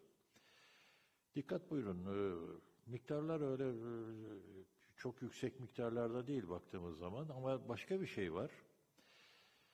Buradaki niye siyasi dedim mesela. Çok tipik bir örnekleme ile gideyim. Efendim bunların hiçbirinin e, bizim var bu kapasitemiz. E, Nasıl bulunacağını dört tane gemimiz var şimdi. Gidiyoruz, bakıyoruz, ediyoruz, buluyoruz, çıkarabiliyoruz vesaire. Ama bu ülkelerin bu kapasitesi yoktur. Dolayısıyla bunlar uluslararası ihaleye çıktılar. Ve bu ihaleye gelenlerin de hepsi Amerikalı, Fransız, İtalyan, e, Güney Kore, hatta Katar bile geldi ama büyük ülkelerin temsilcileri.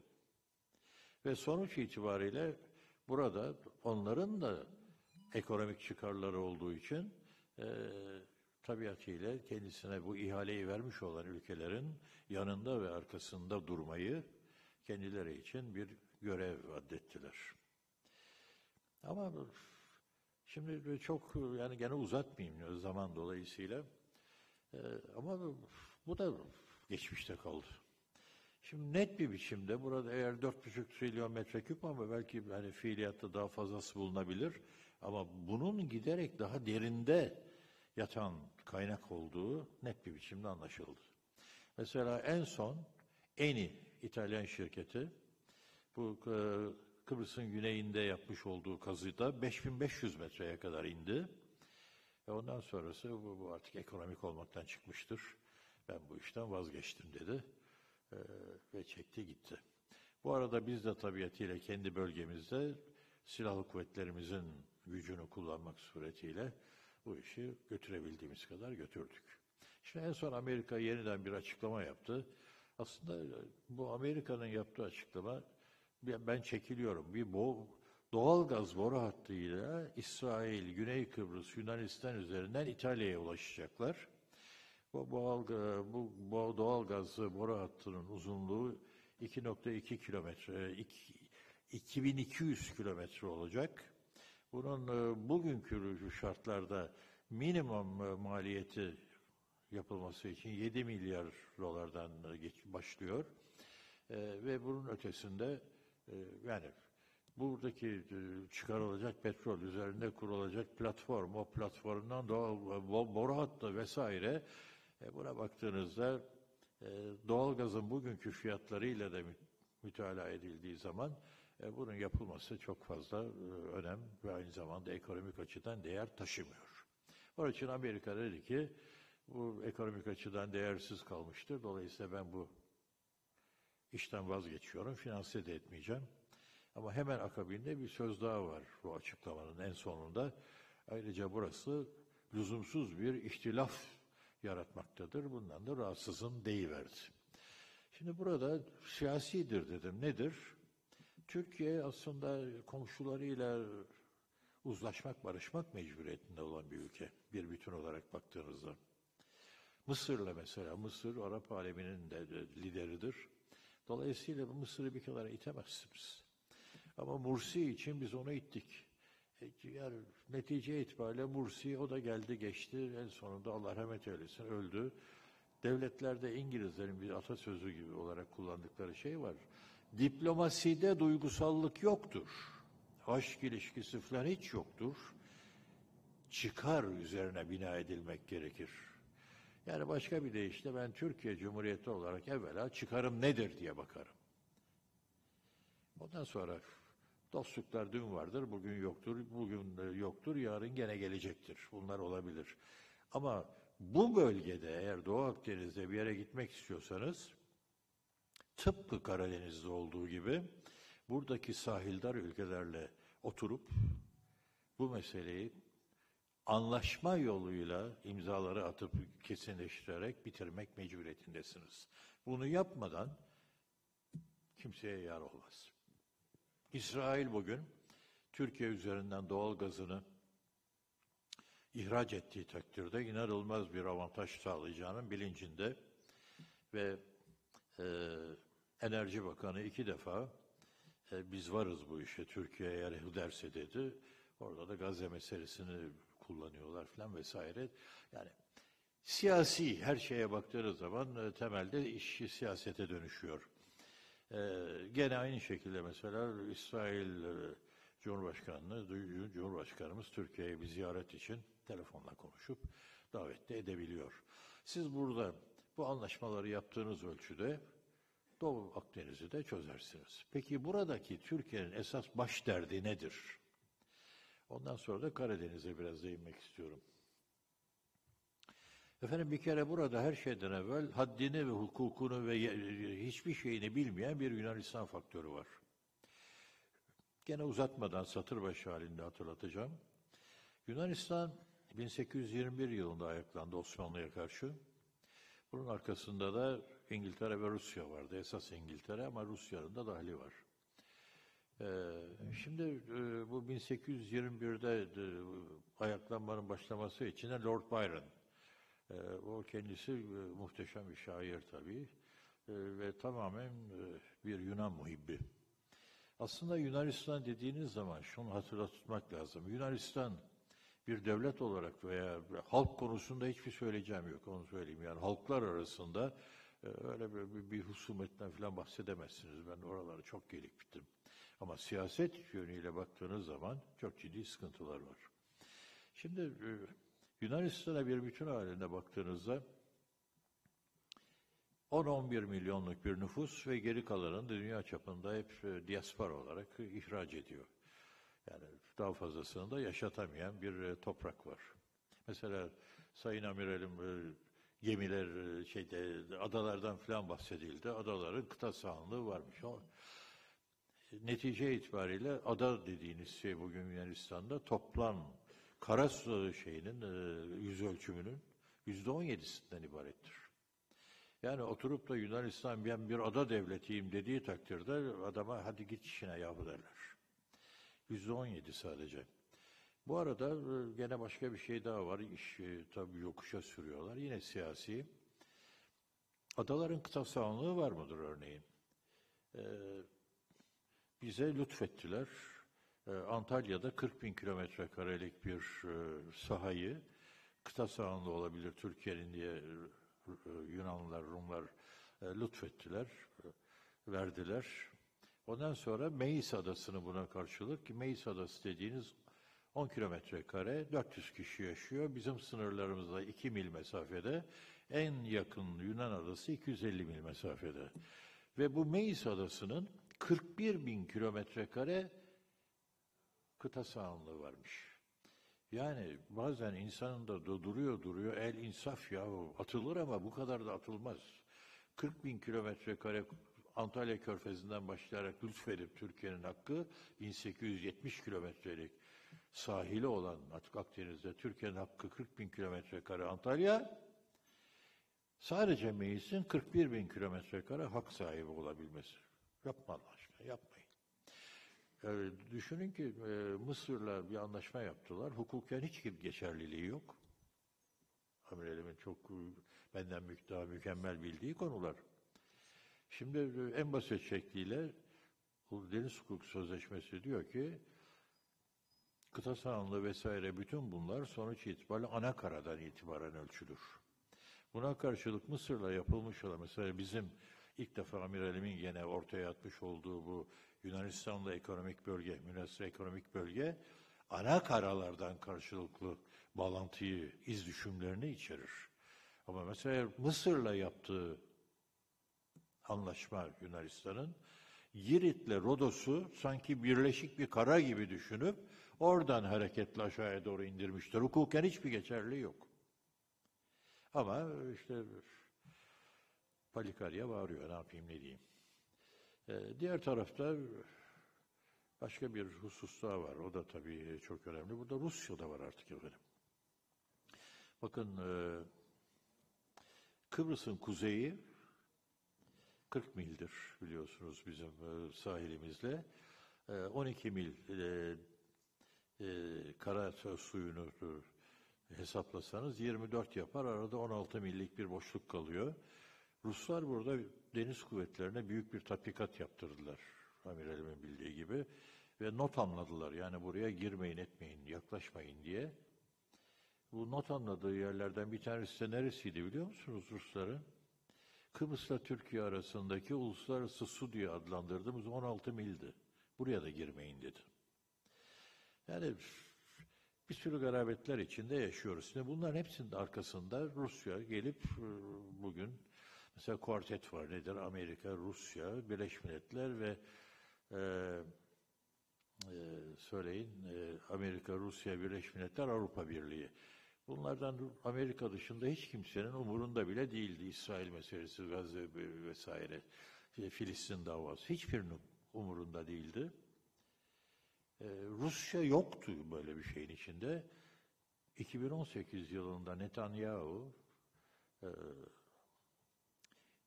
8 defa Moskova'ya ziyarete gitti efendim. Bugün artık Orta Doğu'da Rusya güneyden komşumuz olmuş bir gerçektir. Dolayısıyla bu meselelere eğilirken aynı zamanda artık Amerika vesaire değil, Rus faktörünü de dikkate alarak hareket etmek kaçınılmazdır. Dolayısıyla sadece Karadeniz'de değil, bir de Akdeniz yönünden de bu gerçekle birlikte yaşamak mecburiyetimiz vardır. Şimdi e, dolayısıyla e, baktığınız zaman hani ekonomik açıdan bir şey yok ama siyasi açıdan çok ciddi sıkıntıları var ve bu sıkıntılar da ancak diplomasi yoluyla açılır. Nitekim hükümetimiz son e, bir yıldan beri yeniden bir uzlaşma politikası içinde burada barışı tesis edebilmek için de, yeni bir politikaya yönelmiş bulunuyor. İnşallah bunlar başarıya ulaşır. E, yani onun teferruatına girmiyorum biraz zor ama bizim de ciddi şekilde bazı şeyleri gözden geçirerek yola çıkmış olmamızda da ihtiyaç var. Ama e, mavi vatan kavramıyla burada Türkiye'nin hak ve hukuku tescil edilmiş olmakla aslında şu sırada bir adım ileri geçmiş bulunuyoruz. Onun için bunu yapanlara da şükran borçlu olaraktan bakmak lazım. Şimdi e, bununla birlikte e, bir şeyi daha belki hatırlatmakta yarar var. Doğu Akdeniz'in temel sorunu Kıbrıs'tır efendim. Yani esas itibariyle KKTC hak sahibi olmalıdır. O masaya KKTC de müzakere masasına mutlaka davet edilmelidir. Teferruatına girmiyorum ayrı bir konu çünkü. Ama bunu yaparken de her halükarda Güney Kıbrıs'la Türkiye'nin Kuzey Kıbrıs'a hak ve hukuku tanınmadan aynı masaya oturmasının getireceği endişe verici gelişmeleri de göz ardı edemiyoruz. Dolayısıyla e, bu da tabiatı önümüz, tabiatıyla önümüzde bir engel olarak durmakta. Aşabilir miyiz? Politikamızı orada da değiştirdik. İnşallah çok uzun olmayan bir gelecekte ama gene haddimizi bilerek ve dikkatli ve temkinli ve aynı zamanda aklı selimle hareket etmek kaydıyla zannediyorum Kıbrıs Türk Cumhuriyeti'nin hayata geç, geçirilmiş olduğunu da inşallah ben kendi e, ömrüm içinde dahi görmeyi dileklerim arasında görüyorum, e, temenni ediyorum. Onu da yapacağız inşallah. Ama bütün bunların arkasında da gene caydırıcı gücümüz var. Bunu da unutmayalım. Gelelim Karadeniz'e. Orada çok uzatmadan söyleyeyim. Karadeniz orada da efendim ekonomik değil. Orası da baştan aşağı siyaset. Ve e, amiralim biraz evvel Karadeniz Türkiye dünyanın merkezidir dediler. Ben Orta Doğu'yu da katımını aradım. Haritayı açın. Hani o dünya atlasından çıkarıp böyle haritayı koyuyoruz. Gerçek anlamda kıtalarla birlikte baktığınız zaman Anadolu'muz tam merkezdedir. Ve bunun bize getirmiş olduğu hem sorunlar hem sorumluluklar var. Ama bir geçiş yolu üzerinde bulunduğumuzdan da endişe etmeyin. Nostradamus, bir Fransız e, biliyorsunuz şeydir, hem din adamı aynı zamanda, kitabı da var. Bu bir astrolog diyelim. Orada kehanette bulunuyor. Diyor ki e, tehlike dünyaya sarı ırktan gelecek ve 21. yüzyıldan doğu batı ekseni üzerinde ortaya çıkacak göçlerle yaşanacaktır diyor. Bugün galiba bu kehanet eğer böyle kehanete inanırsak e, o da hayata yavaş yavaş geçmektedir. E, doğu batı ekseninde. Nedir bunun arkasında? tarih boyunca sömürerek bugüne geldi sömürgeci ülkeler. 19. yüzyıldaki edinilmiş olan zenginliklerin hepsi sömürüden kaynaklanmıştır. Ben oralarda görev yaptım. Mesela Belçika dediğiniz şu anda Valon, Flamon hep dağılmış durumdalar. Yani var ama böyle bir güç oluşturmuyorlar. Hani şu Kongo diye kocaman bir demokratik Kongo var ya, onu yiyip bitirip bütün öldürüp kesip mahvederek. Ha, ama biz soykırım yapmışız ama onlar hiçbir şey yapmamışlar. Bu şekilde zenginlikler oradan geliyor. Şimdi bunların hepsi dünyadaki 21. yüzyılda iki şey çok ileri gitti. Biri dijitalleşme, ikincisi otomasyon. Bu koşullar altında dünyada gizli kapaklı bir şey kalmadı efendim. O ülkelerde baktıkları zaman beni sömürenler ne vaziyette yaşıyorlar, beni ne bu durumda bıraktılar diye bunun hesabını yapmaya başladılar. Size bir anekdot gibi böyle bir parantez içinde bir şey söyleyeyim Türkiye'mizle ilgili. Bu da çok ilginçtir. Cezayirli arkadaşla beraberdik işte Fransızlar falan görüşüyoruz arada sırada. E, Cezayir'de biliyorsunuz en son Türkiye birçok yatırım aldı. Ve güzel yatırımlar aldı. Ben Libya'da büyükelçilik yaptım. O tarihte 146 tane Türk müteahhidi vardı. Dünyada 14 tane Türk müteahhidi iş yapmıyordu da. 146 müteahhit bunlar çapulcuydu çoğu. Gelip orada e, bir milyon ve avansı alıyor, bırakıp kaçıyor falan o vaziyette. E, netice itibariyle e, şu anda dünya çapında bizim müteahhitlik hizmetimiz dediğiniz zaman Çin'den sonra bir de Güney Kore e, bizimle mukayese edilebiliyor ama dünyanın en önde gelenlerinden biri haline geldik biz. İstiyorlar. Şimdi netice itibariyle Cezayirli şunu söyledi. Yani, soruyor. Fransız eski sömürgesi biliyorsunuz. Hatta o kadar ki Osmanlı'dan gittikten sonra bir Fransız arkadaşla konuşuyoruz. İşte bizden sorulur Suriye. Niye sizden sorulur? E biz orada işte mandater olarak Birinci Dünya Savaşı'ndan sonra gittik, yönettik, ettik. Bugünlere biz getirdik onları. Ya bu el insaf bir ümmet olarak 400-450 sene beraber yaşadık biz bu ülkelerle. Benim üstelik komşum, ha ben Türkiye olarak hiçbir hak hukuka sahip olmayacağım.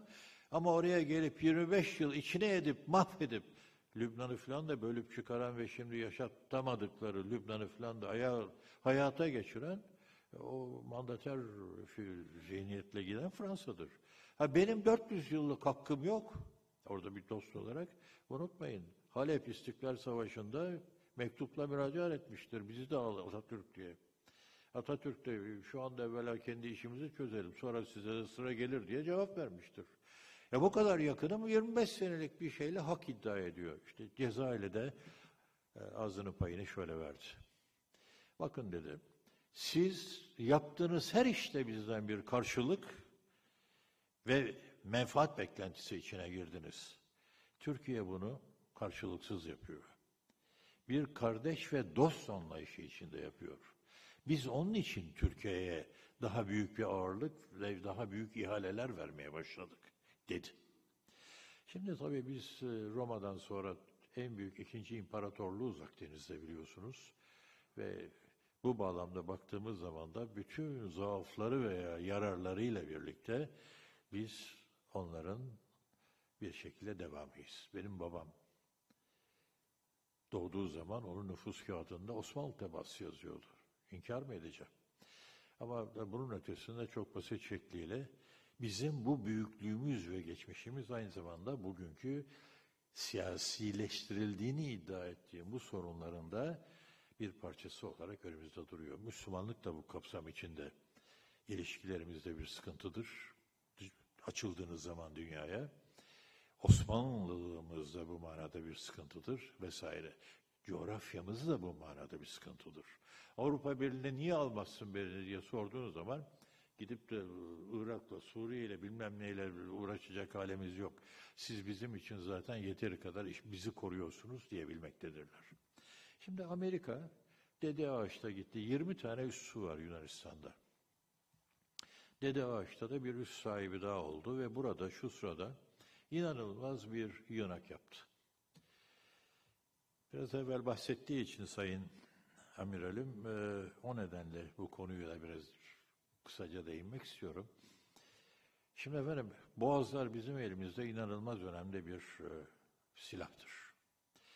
Burada Türkiye herhangi bir şekilde başı dertteyse, bir savaş hali varsa, Türkiye tarafsız bile kalsa boğazların hakimidir, ulusaldır bu. Şunu da akıldan çıkarmayalım, amiralim söylediler ama altını bir daha çizeyim. Aslında bir hata yapmaktayız. Mesela bu Kanal İstanbul falan hep tartışılırken bu çok ciddi bir yanlıştı. Ee, efendim Boğaz rejimi, Montreux Sözleşmesi Çanakkale'den İstanbul Boğazı'na kadardır.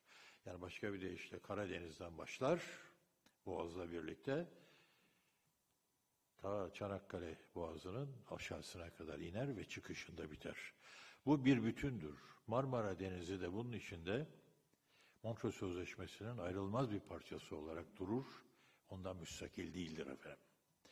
Dolayısıyla e, burada herhangi bir şekilde bir adım attığınız takdirde e, bu bütün içinde hareket etmek mecburiyetinde olduğunuzda düşünmeniz gerekiyor. Şimdi e, Amerika burada tabii sıkıntısı var. Muhrip gönderdiler. Bir tane gemi gidiyor, iki tane gemi gidiyor. İşte Varyak uçak gemisi nasıl geçti gördük. Ee, sonunda uçak gemisi oldu sorunda. Böyle turistik amaçlı gitti ama yani Türkiye burada bir güç. O zaman ne yapacaksınız? Onu bypass edeceksiniz. Sebep? Efendim burada Bulgaristan ve Romanya Avrupa Birliği ülkesi oldular ve NATO'ya alındılar. Diğer tarafta Ukrayna'nın da aynı şekilde Batı ile birlikte ve mütecanis bir bütün olarak e, NATO'ya girme talebi var. Gürcistan'ı yine tahrik ettiler bir dönem. Fransızlar başta olmak üzere. Ne oldu her seferinde? Putin çok e, kurnaz bir adam. Yani teferruatına girmiyorum zaman dolayısıyla. Yaptığı şey çok basitti e, Putin'in. Her seferinde e, orada çatışmayı tahrik ettiler. Putin evvela Abazya'yı aldı gitti. Arkasından Kırım'ı aldı. Şimdi Donbas. Orası gidecek. Artık bu noktada hem NATO olarak hem de aynı zamanda Avrupa Birliği olarak Rusya yayılmacılığına dur demek mecburiyetinde hissediyorlar kendilerini. Ben size iddialı bir e, söz olacak ama Putin'in bu Kazakistan meselesiyle falan ilgili olarak da düşünün bunu. Putin'in e, çok akıllı bir politikası var. Ben silahlı kuvvetlerimin caydırıcılığını yükseltmezsem bu işi beceremem dedi. O tarihte petrol fiyatları çok arttı varil başına 130 dolara kadar çıktı. 850 milyar dolarlık bir rezerve ulaştı Rusya. Ve bunun olduğu gibi silahlı kuvvetlerini harcadı. Bugün donanması en az yüzde 90 ayaktadır. Hava kuvvetiyle her şeyle falan e, bugün bir güçtür. Ama en fazla nükleer başlığa sahip oldukları dönemde anlaşmalara rağmen azaltılma anlaşmalarına göre 7390 nükleer başlık Rusya'da, 7300 nükleer başlık Amerika Birleşik Devletleri'nde vardı.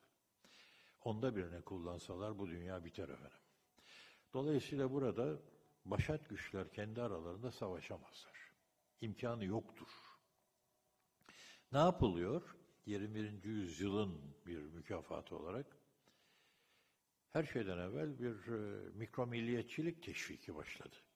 Yani küçük küçük orada bir toplumları teşvik ve tahrik ederek e, bunları devletleştirmeye çalışıyorlar. İşte bizim Güneydoğumuzda e, Membiç, e, ondan sonra Fırat'ın doğusu falan deyince orada da Amerika'nın yine bir saçma bir hayal peşinde koştuğu bir olay var. Ama risk. Ne oluyor sonra? Savaşı bunlar arasında yaptırtıyorlar artık. Yani biz bu kadar mücadele ediyoruz, boğuşuyoruz. Aslında orada boğuşanlar, kavga edenler Amerika ile Rusya. Kendi menfaatlerinde birbirinin ayağına basmıyor. Ama buna karşılık aşağıda organize etmiş oldukları bu toplumları, bunun da adına vekalet savaşları diyoruz artık. Bunlar yaşanıyor. Şimdi aynı şey bu defa Karadeniz'de yaşanmaya başladı. Rusya'yı bir şekilde kontrol altına almak lazım. NATO Nisan ayında al- almış olduğu son karar net bir biçimde Rusya düşmandır, Çin rakiptir diyor. Ve Blinken Dışişleri Bakanı bir açıklama yaptı kendi yönünden. Çin'le ilgili politikamız çok basit dedi. Savaşmayacağız. Evvela dedi, ikili planları da biz onlarla görüşebiliriz. Uluslararası sorunlar varsa onların birlikte çözümü için de mücadele edebiliriz. Ancak e, Sarıdeniz'de yani e, Tayvan ve o oralarda bir hadise yaratılacak olursa orada çatışırız. Ama mevzi olur bu dedi. Bu yeni stratejimizdir. Peki Rusya? Rusya düşmanımızdır. Rusya'ya diz çöktürmeden bu işin çözümlenemeyeceğini kesin kes biliyoruz dedi. Şimdi bakın e, bütün bunları söyledikten sonra Amerika Birleşik Devletleri Avrupa Birliği üzerinden Karadeniz'e çıkmak için uğraşıyor efendim. Çok ilginç ve önemli bir gelişme. Uğraşıyor. Peki Türkiye'miz ne olacak? Yani gene uzatmamak için atlayarak gidiyorum hep. Türkiye'miz ne olacak? Şimdi bu söyleyeceklerim biraz Zülfiyar'a dokunacak ama çok dikkatli ve çok temkinli olmak mecburiyetimiz var. Amerika diyor ki ben savaşmayacağım. Bütün yaptıkları görüşmelerde çatışma yok. Ha, Rusya ben, ben san- sanki bana öyle geliyor ki gene çok ayrıntıya girmiyorum. Şu Donbas bölgesi ki orada Ruslar esas itibariyle çoğunlukta. Sanki bir anlaşma oldu bir yerlerde. Bir özerklik falan verilecek oraya. Yani Ukrayna'yı da bölecekler. Tıpkı Suriye'yi böldükleri gibi. Orada da aynı şey var. E, ve bunu yaptıktan sonra e, nereye gidip gitmeyeceklerine hep birlikte bakacaklar. Şimdi efendim Rusya'ya bir ambargo uygulanacak büyük bir ihtimalle. Ve bunu diyor ki eğer sen en ufak bir şekilde Donbas'a müdahale edersen ve Ukrayna'ya bunu perişan ederim. Ama bunu da yapmak imkanı yoktur. Ee, şunu unutmayalım, Rusya'nın arka bahçesidir bunlar ve Putin en son, işte Kazakistan'da da gördük, Ruslara buyurun hoş geldiniz dedi. Türk devletlerine hoş geldiniz demediler. Biz de yardıma giderdik belki ama evvela Rusya girdi oraya. Ermenistan'ı ve Beyaz Rusya'sı vesaire. Yani eski peykler ve aynı zamanda Rusya'ya bağlı olan o toprakların Putin felsefesinde e, İmparatorluk Rusyası'nın ihyası diye adlandırılıyor bu. Böyle bir sıkıntımız var. Şimdi bir ambargo uygulandığı takdirde ne yapacaksınız? Rusya'yı en fazla diz çöktüreceğiniz konu evvela enerjisinin önüne geçmektir. Enerjide bir e, fiyat düşürmesi yaptılar fi tarihinde Suudi Arabistan'da. E, bu olabilir veya diğer tarafta e, boğazlardan bize de baskı yapmak suretiyle e, Rus e, doğalgaz ve petrolünün e, dünyaya ihracatının yolunu kesmek için bir adım atılabilir. Buyurun, buradan yakın. Başka bir şey olabilir. Doğalgaz Avrupa'ya gidecek. Kime gidiyor? Almanya'ya gidiyor vesaire. Bizim burada iki tane boru hattımız var biliyorsunuz Rusya'dan gelen. E bu boru hatları durduğu takdirde ne olacak? Veya biz Rusya'dan alıyoruz doğalgazımızı. Ben enerji konusunda ambargo koydum diye Amerika ortaya çıkarsa siz ne yapacaksınız? Gelin bir adım daha ileri gidelim. Türkiye NATO ülkesi, öyle mi? Peki bu Nisan ayında bahsettiğim Rusya düşmandır, Çin vesaire bunlar bunun altında Türkiye'nin imzası var mı efendim? Var. Nisan ayında NATO müttefiki olarak biz bunun altına imza attık. Rusya düşmandır. Ama Rusya aynı zamanda bizim için dosttur. Şimdi Rusya ile bozuşsanız, biraz evvel amiralim burada nükleer santral döneminden bahsediyorlardı. İşte nükleer santralın birinci ünitesi 2023'te devreye girecek. Hodri Meydan hoş geldiniz, sefa getirdiniz. Diğer tarafta S-400 meselesi doğalgazıyla vesairesiyle e ben Rusya'yla da üç şey, öbür tarafta Suriye'deki İdlib'iyle her şeyiyle ben, ben çok yakınım. Bir taraftan düşman, diğer taraftan Türkiye'ye dost. Sırt dönebilir misiniz? Yok. Öbür tarafta Ukrayna'yı ne yapıyoruz? Batı'da Almanya falan işte tank motorumuzu vermediler. Öbür. En sonunda Ukrayna'ya gittik. Güney Kore'ye gene gittik falan. Şimdi helikopterin pervanesine motoruna bilmem Ukrayna'dan alıyoruz. Geçen gün açıklama yaptı Ukrayna'da e, Cumhurbaşkanı. Size sordular sihaları aldınız. E motorunu biz yapıyoruz zaten dedi. Yani yapmıyor aslında gene biz hallediyoruz büyük ölçüde ama yani netice itibariyle bir göbek bağı var aramızda.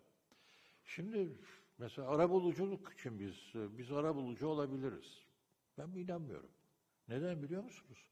Rusya diyor ki senin yapacağın şey diyor benim diyor eski arka bahçem bunlar diyor bir şey yok. Senin diyor gidip Rusya'nın ne kadar haklı olduğu hususunda ikna etmeni bekliyorum diyor Ukrayna'yı. Ukrayna'ya gidiyorsunuz adam çok haklı olarak ya böyle bir şey olmaz diyor. Netice itibariyle bu bir toprak bütünlüğüm diyor ve bu kapsam içinde egemenlik hakkı bunu diyor göz göre göre benden kimse alamaz da ben de satmıyorum diyor. E şimdi Ukrayna'nın gidip konuştunuz, o da size diyecek ki Rusya'yı uyarın. Bunu yapmak imkanına sahip değildir, savaş sebebi olur. Peki neyini ikna edeceksiniz bunları karşı karşıya gelip? Derken o sırada Amerika gelecek sizin arkanıza ve yap işte Rusya sen bana yardım etmeyeceksin vesaire. Yani başka bir ifadeyle Bundan böyle efendim uzatmadan bitiriyorum hemen. Ee, yani çok anlatılacak, çok tartışılacak e, yürekler acısı ve çok sıkıntılar yaratabilecek konular var önümüzde.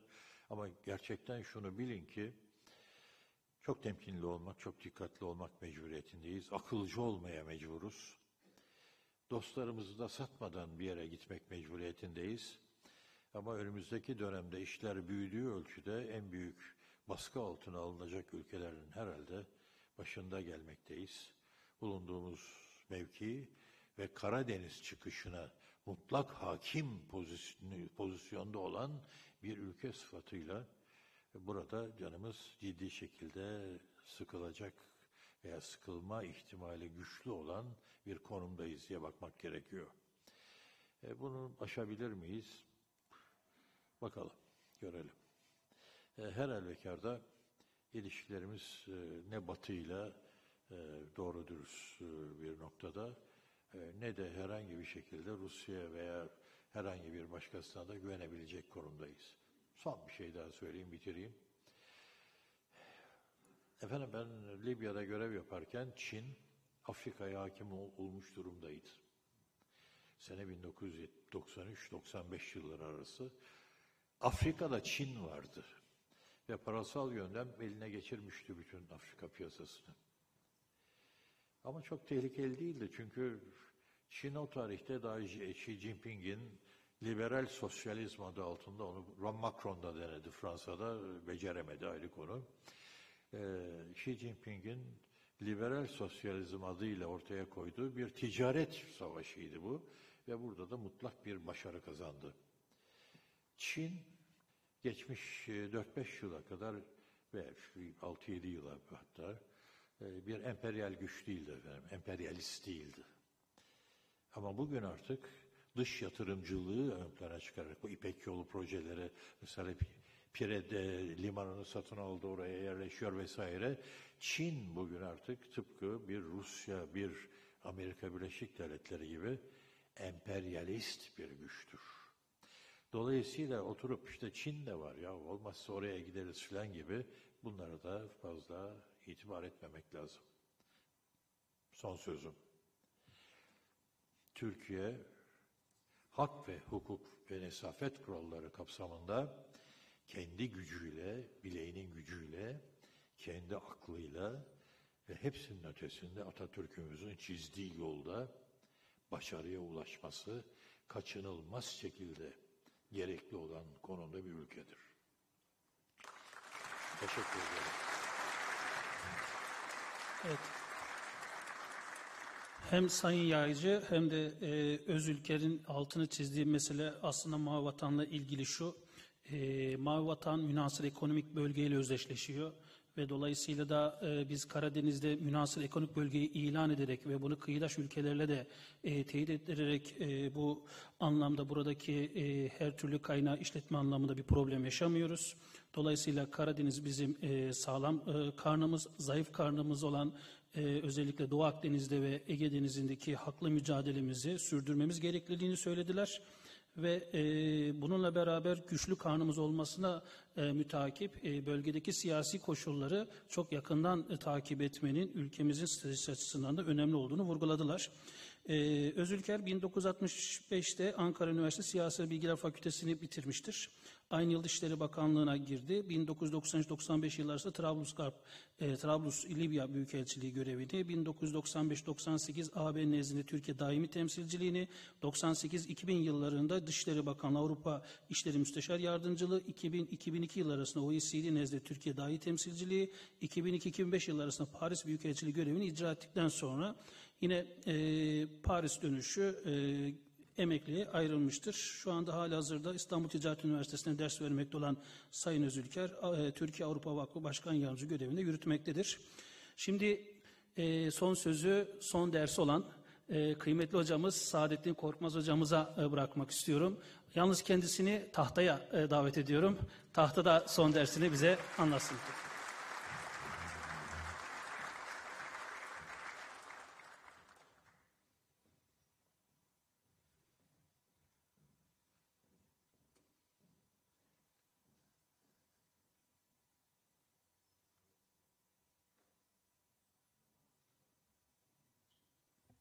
Şöyle yapalım. Sayın Rektörüm, çok değerli hazırın. Ee, gerçekten e, bugünkü bu sunum benim için bir son ders niteliğinde oldu. Tamamen e, planlanmış bir şey değil, tamamen kendiliğinden oluşan bir durum. Dolayısıyla e, bu son dersi vermekle de ders verme işini bitirmeyeceğim. Muhtemelen hocaların zaten emekliliği olmaz.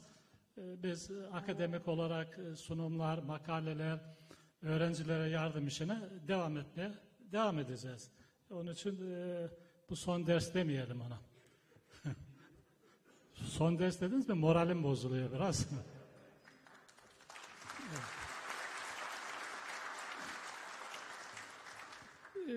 Benim şöyle 15-20 dakikada e, Karadeniz'in bir hidrokarbon potansiyeli nedir o konuya değineceğim. Tabii ondan önce de Türkiye'nin genel bir enerji durumuna bakacağız. Yani biz ne kadar enerji tüketiyoruz, nerelerden bu enerjiyi alıyoruz, kendi kaynaklarımız nelerdir. Ondan sonra da son zamanlarda e, popüler olan Karadeniz konusunda e, görsel e, şekiller üzerinden bir sunum yapacağım. Şimdi Tabii Türkiye e, enerjiye ihtiyacı olan ve enerjinin de yüzde 95'in özellikle petrol, doğalgaz ve kömürün 95 ve daha fazlasını dışarıdan ithal yoluyla karşılayan bir ülke. Yani bir kere enerji kaynağımız yok. Halbuki günümüzün dünyadaki güç kategorisinde enerjinin tartışması çok önemli bir yeri var. Ekonomik güç olarak, siyasi güç olarak, diğer güçler bakımından. Dolayısıyla e, bizim açımızdan e, çok sıkıntılı bir durum olduğunu ifade etmek isterim. Tabii bir de e, işin ekonomik yönü şu, bütçe açığımızın özellikle cari açığın en büyük e, kaynağını enerji giderleri oluşturuyor. O bakımdan enerji işi çok önemli bir konu. Şimdi burada e, Türkiye'nin e, özellikle 2019 ve öncesini aldık. Çünkü 2020-21 yılında bu e, pandemi nedeniyle rakamlarda önemli oynamalar var. Yani çok büyük miktarlarda düşüşler var, yükselişler var. Dolayısıyla stabil olan 2019 rakamlarına daha çok ağırlık verdik. Burada Türkiye'nin 2019 yılındaki enerji tüketimi, bunun eşdeğeri 144,5 milyon ton petrol karşılığı bir enerji tüketmişiz. Bunun kaynak olarak %23'ü petrol, %26'sı doğalgaz, %17'si taş kömürü ve linyit. Bunlardan taş kömürü, doğalgaz ve petrol e, bunlar tamamen yüzde doksanını ithal yoluyla karşıladığımız bir şey. Sadece linyit yataklarımız, jeotermal, hidroelektrik ve diğerleri kendi kaynaklarımızdan. Bunu ortalamaya vurduğumuz zaman Türkiye ortalama enerjisinin yaklaşık yüzde yetmişlik kısmını dışarıdan ithal ediyor. Geri kalan yüzde 25-30 kısmında işte hidrolik kaynaklar, güneş enerjisi, jeotermal enerji, rüzgar enerjisi gibi e, yenilenebilir kaynaklardan sağlıyor.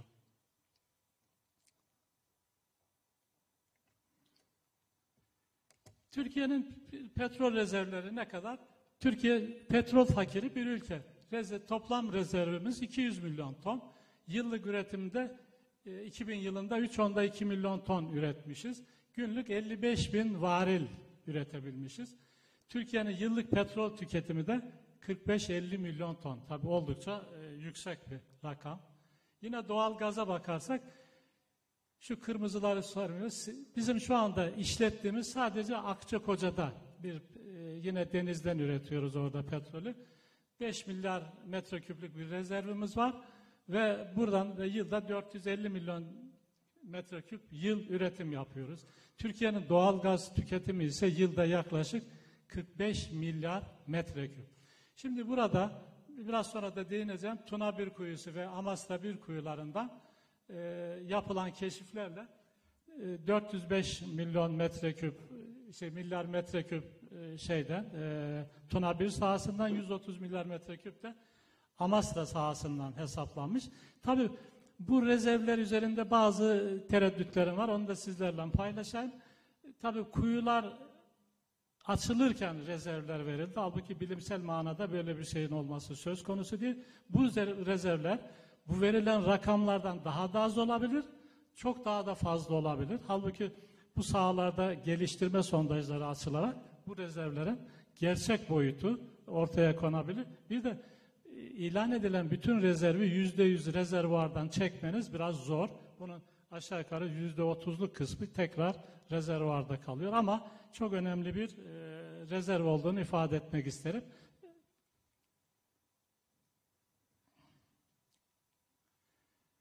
Enerjide kimlere bağımlıyız? Enerjide e, Rusya, İran, Irak, Kazakistan, Azerbaycan ve Cezayir. Yani e, tükettiğimiz enerjinin özellikle petrol, doğalgaz ve kömürün yüzde doksanını bu ülkelerden ithal ediyoruz.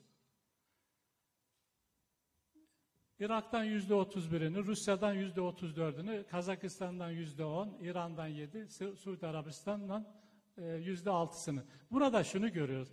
Türkiye'nin en büyük ithalat ettiği, petrol ithal ettiği ülkeler Rusya ve Irak. En büyük pay yüzde altmış beşlik payı bu iki ülkeden e, ithal ediyoruz. Doğalgazı nereden ithal ediyoruz? Yine Rusya'dan, İran'dan yüzde on yedi, Azerbaycan'dan yüzde yirmi bir, Cezayir. Yine bu e, aşağı yukarı üç ülkeden yüzde 65-70'lik kısmını bu üç ülkeden e, ithal ediyoruz. Biraz önce de e, Büyükelçim ifade etti. Rusya ile çok büyük ölçüde e, bu enerji üzerinde anlaşmalarımız var. Yani e, komşuları böyle bir anda atmanın mümkün olmadığı bir durum ortada. Ne kadar ödemişiz? Yine 2019 rakamlarında doğalgazı %98'ini doğalgazın dışarıdan ithal ediyoruz. Petrolün %92'sini aşağı yukarı 3 milyon ton kendi kaynaklarımızdan üretiyoruz. 26 milyar dolar da ödemişiz. Ne zaman? 2019 yılında. Ee, varili petrolün bunların ödemediği, ödeme yapıldığı yıl varili 60 dolardı. Şu anda petrolün varili, Brent petrol dediğimiz kal- kaliteli petrol varili dün baktım 88 dolar. Yani şu rakamları bir yüzde 40 oranında artırdığımız zaman aşağı yukarı e, 40 milyarı, 45 milyarı geçen bir e, açık ortaya çıkıyor. Bu da bütçedeki en önemli cari açığı oluşturan kaynak. Kısaca Türkiye'nin hidrokarbon bölgelerine bakalım. Türkiye nerelerde petrol aramış? Güneydoğu Anadolu, Adana, Mersin, o Tuzgölü Havzası, Malatya, Sivas, Orta Anadolu Havzaları, Orta Karadeniz Havzası ve Trakya Havzası. Bu havzalardan bunlarda çok sayıda sondajlar yapıldı. Bizim bütün petrol yataklarımız Güneydoğu Anadolu bölgesinde. Yani yılda ürettiğimiz e, 3 milyon ton ham petrolü bu bölgeden e, üretiyoruz.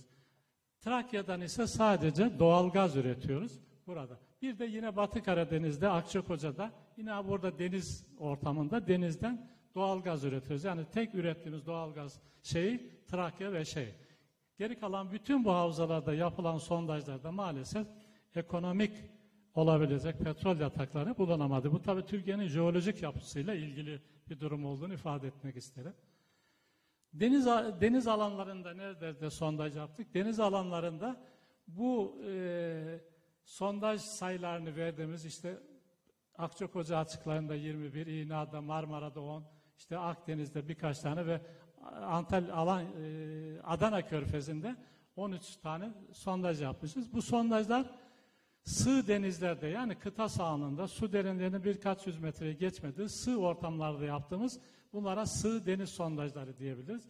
Bunlardan hiçbirinde maalesef e, petrole ulaşamadık. Sadece Akçakoca'da doğal gaz üretimi yapıyoruz. Yaklaşık bir 5 milyar metreküplük bir rezervimiz var orada.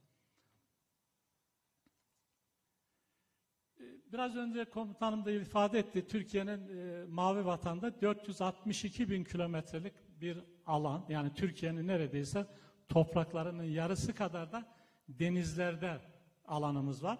Buradaki Karadeniz yaklaşık 172 bin kilometre kare bir alan ve bu 172 bin kilometre kare alan Türkiye'nin beşte bir büyüklüğünde bir alan. Dolayısıyla hem e, doğal kaynaklar açısından hem de canlı kaynaklar açısından çok önemli bir yer olduğunu e, ifade edebiliriz. Denizlerde sadece bunu örnek olarak veriyorum. Dünyada denizlerde ilk bulunan petrol sahası şu Kuzeydoğu Denizi 1974 yılında İngiltere burada çok büyük petrol yatakları buldu ve hala bu yataklar işletilmekte. Sonra Basra Körfezi e, yine bu ortam çok e, büyük petrol yataklarının olduğu yerler. Yine Amerika'nın Meksika Körfezi çok büyük petrol yatakları olan yer. Yine Hazar Denizi'nin olduğu yerde. Kırmızılar doğal gaz e, yataklarını gösteriyor. Yeşiller ise petrol yataklarını gösteriyor. Bu e, ilginç bir şey. Kuzey Denizi'nde ortaya at çekmişler. Hollanda, işte e, Norveç arasında. Bütün petrol yatakları İngiltere tarafında kalmış. Öbür tarafta çok fazla bir şey yok. Hollanda'da daha çok doğalgaz sahası kalmış. Onların da taksimatta böyle bir şanssızlıklar olmuş. Kısaca buradan Karadeniz'e gelelim. Karadeniz niye önemli? Karadeniz'in fizyografik yapısına baktığımız zaman şu e, kırmızı çizgilerle çevrelediğimiz şu kısım Karadeniz'in kıta sahanlığının şey, kıta sahanlığının ucunu gösteriyor. Kıta şelfini. Buralarda Türkiye kıyılarında kıta sahanlığı çok dar. Hemen hemen birkaç kilometre, birkaç mili geçmeyecek kadar dar. Yine Kafkasya Kafkas Dağları'nın olduğu şu bölgede dar. Ama kuzey ve kuzeybatıya çıktığımız zaman çok büyük e, kıta şelfi var. Burada e, Roma e, şey Ukrayna'nın 90 mil yani 160 kilometre denizde gidiyorsunuz. Su derinliği hala 40-50 metreyi geçmeyen sığ sular. Tabi bu sığ sular hem balıkçılık açısından çok önemli hem e, deniz kaynaklarına, denizaltı kaynaklarına ulaşma bakımından çok e, kolay olduğunu ifade edeyim. Şu Karadeniz'in orta kısmında su çok derin. Batı Karadeniz'de yaklaşık 2200 metre su derinliği, Doğu Karadeniz'de de yine 1800-2000 metrelerde. Yani Karadeniz oldukça derin bir deniz. Bu da neyi sonuçluyor? Ee, petrol aramalarında, sondajlarda çok önemli güçlükler olduğunu ortaya koyuyor. Karadeniz'e ilişkin e, biraz önceki kıta sahanlığı dediğimiz şey şu, karaların deniz altında devam eden ve su derinliği 200 metreyi geçmeyen şu kısmı kıta sahanlığı. Buralarda sondaj yapmak çok kolay, sığ sular. Sonra büyük bir yamaçla derin deniz düzlüklerine iniyor. Buralarda su derin, 2000 metre, 2200 metre. E, halbuki e, şu kıta sahanlıkları dünyada şu anda petrol yataklarının önemli bir kısmı buralardan işletiliyor. Zaten karalar üzerindeki petrol yataklarının azalmasıyla birlikte e, hedef denizlere, sığ denizlerden sonra derin denizlere 2000-2500 metre daha derinliklerde sondaj yapabilen teknolojiler gelişti. Dolayısıyla enerji kaynaklarına e, sahip olmak için bu teknolojileri kullanmak gerekiyor. Bir de e, şöyle bir şey işin önemini ifade etmek isterim. Dünyadaki mevcut petrol ve doğal gaz yatakları yani şu anda bilinen rezervi tespit edilmiş 500 milyon varilin üstünde 550 tane petrol yatağı var. Bugünkü işletme trendiyle e, bu yatakların ömrü 50 veya 60 yıl. Yani e, şu anda 2020, 50, 2070, 2080 yıllarında artık dünyada petrol ve doğalgaz bitmiş olacak. Tek şartla eğer yeni yataklar bulunamazsa. Dolayısıyla dünyada alternatif, yenilenebilir enerji kaynaklarına çok büyük bir dönüş var. İşte rüzgar enerjisiydi, jeotermal enerjiydi, e, güneş enerjisiydi özellikle. E, bi- bizim ülkemizde de bu konuda önemli çalışmalar yapılıyor. Bu e, enerjide bu payı artırmak durumundayız. Birkaç tane de Karadeniz'den şöyle son derece basit ifade edeceğim. Ee, Karadeniz'in şu gördüğünüz şu mavi kısım deniz suyunun olduğu kısım. Ee, Yaklaşık 2000 metre derinlikte. Bu sismik kesitler yani Karadeniz'in bak şuradan yani e, Zonguldak'tan Odessa'ya doğru ki atılmış bir sismik kesit. Bu kesitte farklı jeolojik yaşlardaki katmanları görüyoruz. Bütün Karadeniz'de olsun, Hazar Denizi'nde olsun, e, Azak Denizi'nde olsun, şeyde bütün petrolü türeten şu Maykob adı verilen kaya birimleri. Bunlar organik maddece zengin tortulardan oluşuyor ve bütün bu Hazar Havzası'ndaki, Azerbaycan'daki petrolleri türeten bu formasyon. Bu mesela Karadeniz'de bak yaklaşık 6,5 kilometre de- derinlikte yani çok derin bir yer. Yani buradan su- 6500 metre sondaj yapmak ve buna ulaşmak gerçekten zor. Yeşilli formasyon da burada oluşan petrolün yukarıda sızarak içinde biriktiği formasyonu gösteriyor. Ee, hedef tabii bu formasyon. Ama şunun şeyini düşünebiliyor musun? 374 kilometre uzunluğunda bir e, şey e, alan ve bunda petrollü zonları tespit etmek gerçekten zor, çok küçük yani bir kamyon içerisinde kum arama gibi gerçekten e, çok e, geniş ve kalın istifler. Yine e, bir tane de Orta Karadeniz'den bu da Sinop'tan Azak Denizi'ne bölgenin şeyi. Orada da 7 kilometre derinde.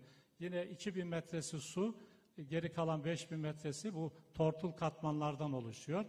Yine e, Giresun Soçi arasının bir örnek olarak verdim bunları. Giresun Soçi arasındaki katmanları görüyorsunuz. Ee, burada da 6,5 kilometre derinliğinde bu formasyonlar. Tabi bunlara ulaşmak için e, çok sayıda sondaj yapıp buraları test etmek gerekecek. E, bu bu formasyonlarda Azerbaycan'da olsun, işte Azak Denizi'nde olsun yüzeye çok yakın. Yani Azerbaycan'da 600 metreden petrol alıyorlar. Bakü'ye gidenler bilir. Bakü'nün limanında petrol e, pompalayan e, şeyler var. E, atbaşı pompalar var. Şehir içinde var. Dolayısıyla bizde Karadeniz'de bunlar e, biraz e, derinlerde kalmış. Şimdi bu kesit e, Romanya'nın hemen biz bu sahanın devamında bizim e, Tuna bir sahamız var. Yani Kuzey Sakarya sahamız hemen buna çok yakın bir sahada. Romanya'nın bak şurası kıta sahanlığı. Su bak çok sığ burada sonra birden derinleşiyor. Şu kırmızı seviyeler bir kat seviyede bunlar doğal gaz seviyeleri. Alttaki yeşiller de petrol aldıkları seviyeler. Ee, bizim e, Tuna sahasında da iki farklı seviyeden doğal gaz alınmış. Yani tek bir seviyeden değil iki seviyeden alınmış. Bu romanların şeyi. Bu çok yeni bir e, şey. İki e, Rus araştırmacısının şeyi. Karadeniz'deki sızıntıları gösteriyor. Çok ilginç. Şu gördüğünüz kırmızı noktaların hepsi doğal gaz sızıntılarının olduğu belgeler. Özellikle bu Tuna Nehri'nin oluşturduğu delta üzerinde yine Azak Denizi'nin arkasında yine buralarda çok sayıda e, şey var. E, doğal gaz sızıntısı var. Özellikle Batı Karadeniz bir e, doğal gaz havzası özelliğini taşıyor. Yeşiller var. Burada çok gözükmüyor. Şöyle tek tük var. E, Şu Kafkaslarda var, buralarda var. Onlar denizlerdeki petrol sızıntılarını gösteriyor. Yine e, çamur volkanları var. Şu açık e, pembemsi renkli olanlar çamur volkanları ve yine beyaz renkli olanlar da gaz hidratları var. Birazdan değineceğim onlara. Ee, e, gaz hidratlar biraz önce de amiralim ifade etti. E, Yerden sızan metan gazı suyla birleşerek soğuk suyla etkileşime girerek yüksek basınç altında donuyor. Buz kalıbı şeklinde bir madde oluşturuyor. Bunu eğer gerekli teknolojiyle e, çözebilirseniz bir metreküp e, şeyden gaz hidrattan veya metan hidrattan 163 metreküp doğal gaz elde edebiliyorsunuz. Dünyada özellikle e, Japonlar çünkü onlar da bizim gibi enerjisini %90 ithal yoluyla karşılıyor. E, bu konuda Amerikalılar, Sovyetler Birliği'nde mesela bu Sibirya'da çok var. Karada onlar üstelik. Bu donmuş gazları çözme üzerinde çalışmalar yapıyorlar. Deneysel çalışmalar yapıyorlar. Muhtemelen 2030 yılında bu e, maddeyi de e, gaza dönüştürerek enerji kullanımını açacaklar. Burada Karadeniz'in ortasındaki o beyazlarda metan hidratların olduğu yerler. Diğerleri ise çamur volkanları. Çamur volkanları da adı üzerinde ama volkan değil. Birazdan bir şeklini göstereceğim. Bunlar da yerin altından basınçlı şekilde gelen gaz çıkarken birlikte çamuru da yüzeye çıkarıyor veya sularla birlikte çıkıyor. Yüzeyde çok küçük volkana benzer tepecikler oluşturuyorlar. Bunlar da özellikle petrol sahalarında gözlenen e, yapılar. Mesela Azerbaycan'da çok var o çamur volkanları. Yine bu metanhidrat, gaz hidratta deniz tabanındaki sızan gazların donmasıyla oluşmuş yapılar.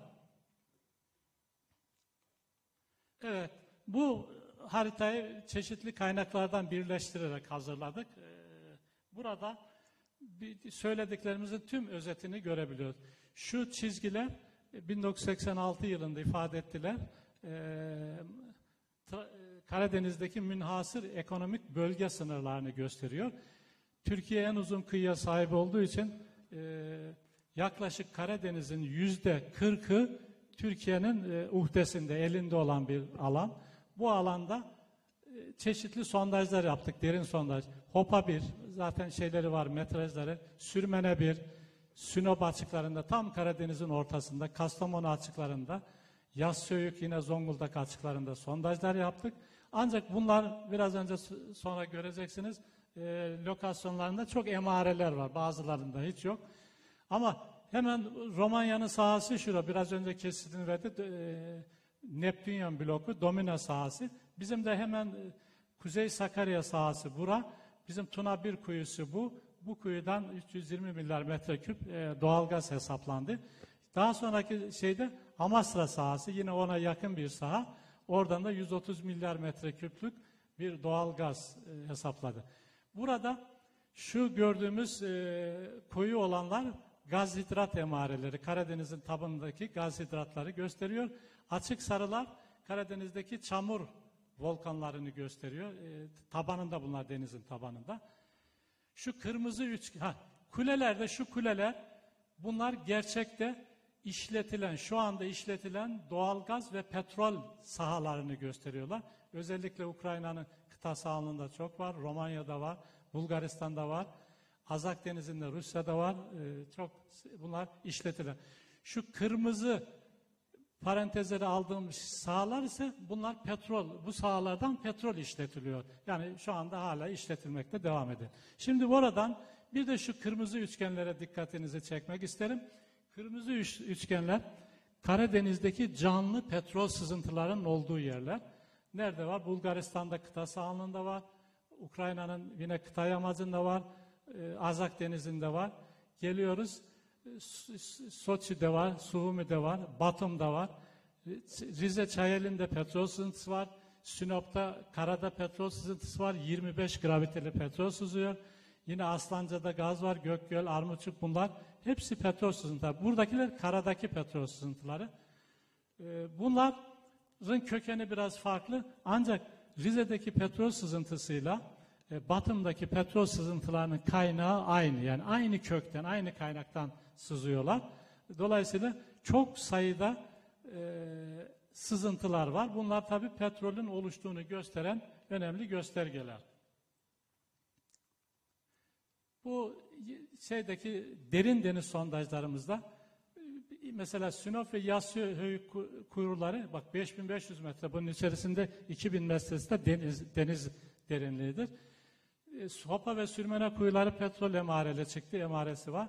Kastamonu gaz, Tuna ve Amasra kuyuları ise doğrudan doğruya e, rezerv tespiti yapılmış kuyular. Bu Karadeniz'den e, Boyabat ekim veren, yani Sinop Boyabat ekim verende e, 1983 yılında çektiğim bir benim kendi fotoğraf doktora tezimi orada yapmıştım. Canlı petrol sızıyor buradan böyle 25 graviteli petrol sızıyor. E, bu bir önemli işaret. Bu da yine Çayeli'nde çalıştığımız zaman denizdeki e, belki ışıklardan çok da görülmeyebilir. Suyun üzerinde e, çıkan petrol zerrecikleri böyle yağ şeklinde dağılarak e, Karadeniz'in yüzeyini bu şekilde oluşturuyor. Evet biraz önce söylediğimiz metanhidrat yani donmuş metan gazı bunun iki tane örnek koydum buraya. Bunlar böyle buz buza benzer yapılar. Şu bir sondaj örneği bu bir blok örnek alınmış. İşte 1 metrekübünden 164 metreküp e, doğal gaz çıkıyor. E, dediğimiz gibi ancak teknolojik olarak henüz üretim aşamasına geçilmemiş. E, bununla ilgili çalışmalar devam ediyor ve 2030 yılında e, metanhidrattan gaz üretileceği düşünülüyor veya öngörülüyor diyelim.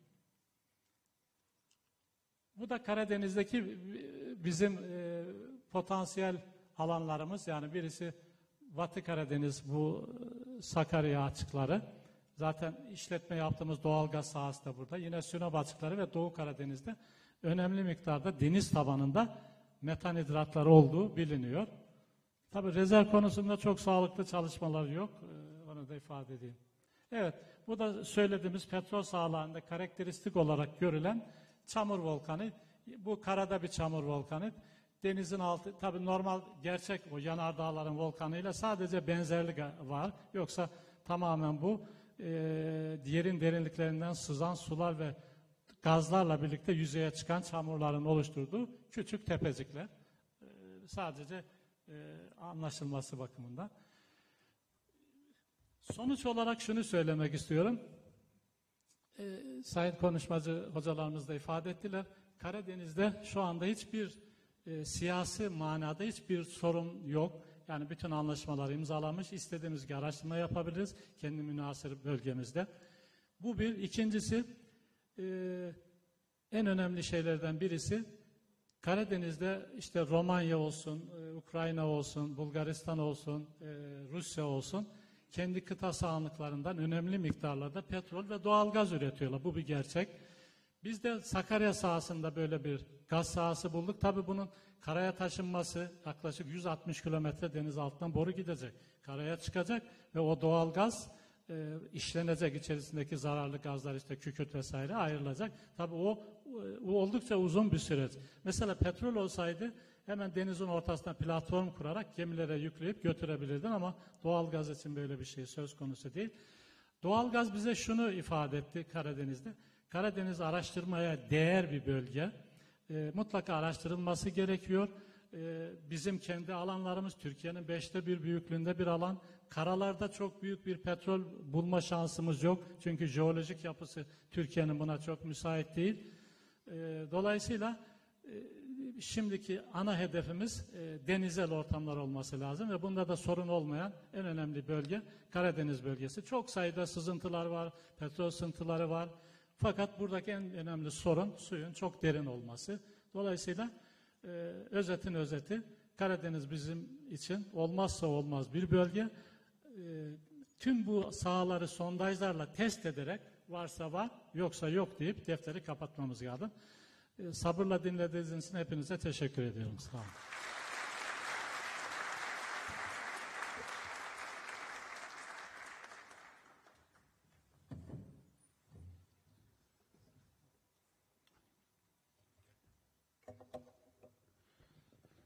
Şimdi aslında e, Sayın Cihat Yaycı Hocam'la, Sayın Uluç Özülker Hocam'la beraber e, biz son iki yıldır pandemi nedeniyle hem dijital ortamda online başlayan, daha sonraki süreçte de yüz yüze birçok mavi vatan kavramını e, tanıtmaya, yaygınlaştırmaya ve farkındalık yaratmaya dönük birçok çalışma yaptık. Trabzon'da e, planlanan ve yapılan bugünkü çalışmada daha önceki e, hazırlıkları önceden ortaya koymuş çalışmalardan bir tanesi. Aslında e, Sayın Rektörüm işaret etti. E, yalnız Saadettin Hocam bilmiyor. E, biz bunu tamamıyla Saadettin Hoca'nın emekli olacağı e, güne göre sonradan revize ettik ve öyle planladık. E, kendisinin tabii ki bu düz şeylerden hiç haberi olmadı. Biz elimizden geldiği kadar sürpriz yapmaya çalıştık kendisine. O yüzden de son ders kelimesini, ifadesini e, kullandık. Aslında mecaz bir kelimesi. Yoksa hocamızı hiçbir zaman bırakmaya niyetimiz yok. E, şöyle bir anekdot anlatmak istiyorum. Hocam meyveyi çok sever. Ee, özellikle en çok sevdiğim meyvelerden biri de armuttur. Trabzon'un bölgesinde çok güzel armutlar var. Bir gün bana dedi ki Sercan haydi armut almaya gidiyoruz. Gidelim hocam dedim. Ara bir bilgi. Bir gün kuymak yemeye gidelim dedi. 200 kilometre gittik. Yani sonradan gidelim deyince, armut almaya gidelim deyince o 200 kilometre aklıma geldi. Acaba nereye gideceğiz diye düşününce Gümüşhane'nin dağında bir armut ağacının tepesine buldum kendimi.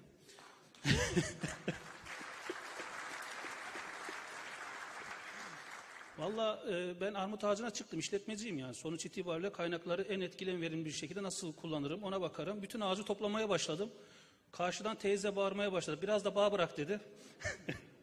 Öyle e, bir e, günümüz anımız olmuştur hocamla. E, o da bir 250 kilometre git gel mesafesi olmuştur. Şimdi yavaş yavaş panelimiz e, ilk kısmı, e, bilimsel kısmı bitiyor. Biraz sonra bir konserimiz olacak, mini bir konserimiz olacak. Yalnız konsere geçmeden önce sizlerin sabırlarına e, sığınarak 5 dakikalık bir videomuz var. E, bu videoyu izletip o aşamadan sonra plaket takdimiyle ve konserimize geçmek istiyorum. Sabırla e, izleyeceğiniz için şimdiden teşekkür ederim.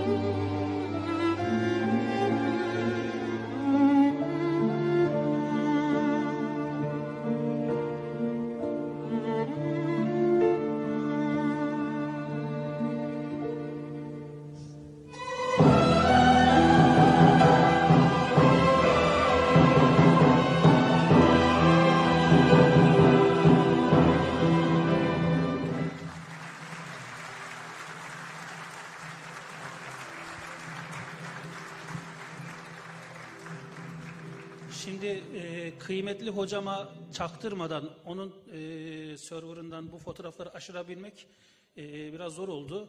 E, yalnız e, hocamın çok büyük çevresi var. E, bütün e, insanları belki burada yansıtamadık. O yüzden de bu çevresindeki insanlara da bu anlamda e, bilgi vermek isterim. E, şimdi e, kıymetli panelistlerimizin e, plaketlerini takdim edeceğiz. Yalnız bu organizasyonda e, bize desteğini esirgeme, yani bu organizasyon gerçekleşmesine emeği olan Deniz Bilimleri Fakültesi Dekanımıza, Stratejik Araştırmalar Merkezi Koordinatörümüze, e, Deniz Ulaştırma İşletme Mühendisliği Bölüm Başkanıma e, ve konser organizasyonundaki emeklerinden ötürü de Profesör Doktor İsmail Demir hocama, bütün hocalarıma, bütün büyüklerime teşekkür etmek istiyorum. Var olsunlar, sağ olsunlar diliyorum. Şimdi e, Sayın Rektörüm, plaketleri takdim etmek üzere sizleri sahneye davet etmek isterim. Buyurun efendim. Kıymetli misafirlerimiz de şöyle sahnenin ortasına doğru.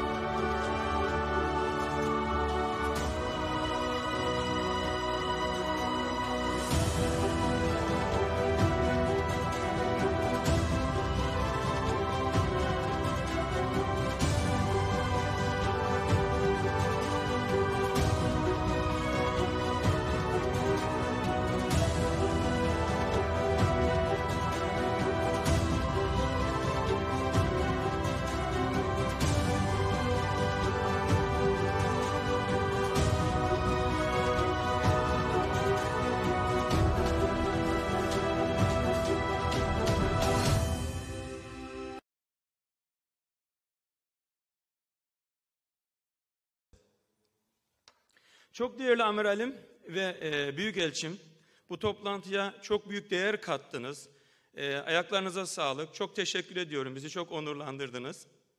Çok yoğun, manalı, e, ekonomik, psikolojik, e, sosyolojik e, bir e, toplantıdan sonra, bir girişten sonra biz de bu güzel güne e, müzikal manada bir e, katkı vermeye çalışacağız. E, ilk olarak halk oyunları gösterisinde e, yer alan Hüseyin Tahmaz hocamıza bir teşekkür etmek istiyorum. Bir programı dahilinde e, salondan ayrıldı. E, hocamla uzun yıllar e, burada mesai e, yapmış bir e, hocamızdı. Dolayısıyla bu geceye, bugüne katkı sağladı. Çok teşekkür ediyorum kendisine. Şimdi e, bu arada bize e, eşlik edecek sazları da değerli sanatçılarımızla sizlere takdim etmek istiyorum. Bağlamada Gürsel Tahmaz, Üflemeli çalgılarda Engin Ahmet Muhsir hocamız ve kemençelerde de Musa Gömleksiz ve İnanç Tahmaz bizlerle olacak. Ben Sayın Hocamı yaklaşık 10 yıl önce yakından tanıma fırsatı buldum. Fen Enstitüsü'nde müdür olarak atandığında bu kadar e, akademisyen arasında e, sağ olsun yardımcı olarak kendisine belirlediği arkadaşlardan, belirlediği kişilerden bir tanesi bendim. E, bu süreçte tabii hocamla daha yakından e, hocamı tanıma e, fırsatı buldum. E, ve hakikaten akademik mananın dışında, özellikle idarecilik boyutunda kendisinden çok büyük katkılar, destekler gördüm. Çok güzel yol haritaları e, bize sundu, bana sundu. Ve düzgün, doğru bir rol model oldu benim için. E, bu manada beni tercih ettikleri, ben tercih ettiklerinden birisi olduğum için kendisine çok teşekkür ediyorum.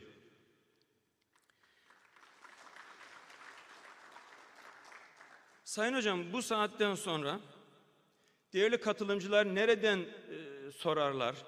Sizin çalışmadığınız yerlerden gelirler. O kısma biz karışamıyoruz artık sevgili Sercan'la. Ona lütfen siz e, hazırlıklı olunuz. E, ve e, gelecek olan lafları, e, yaklaşımları e, sizin derin hoşgörünüze e, havale ediyoruz. Şimdi söze kısa bir süre ara vermek e, istiyorum ve e, sanatçılarımızdan İnanç Tahmaz'ı dinlemek, size takdim etmek istiyorum. Kemençesi ve şarkılarıyla İnanç Tahmaz bizlerle.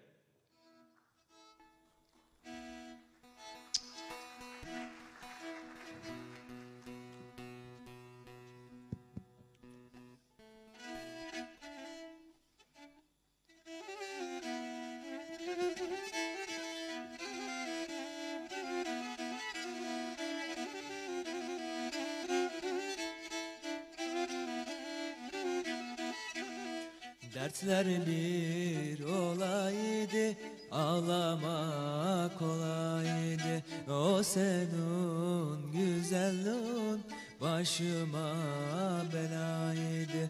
Dertler bir olaydı Ağlamak kolaydı O senin güzelliğin Başıma belaydı Vay olsun gözlerime kimi durur beklerim? Hep boşuna gideyi verdim emeklerim Vay olsun gözlerime kimi durur beklerim? Hep boşuna gideyi verdim emeklerim. Vay beni ağlar mıydın? Oy oy oy oy gönlün olmayaydı. Oy oy oy vermezdin sana meyil. Oy oy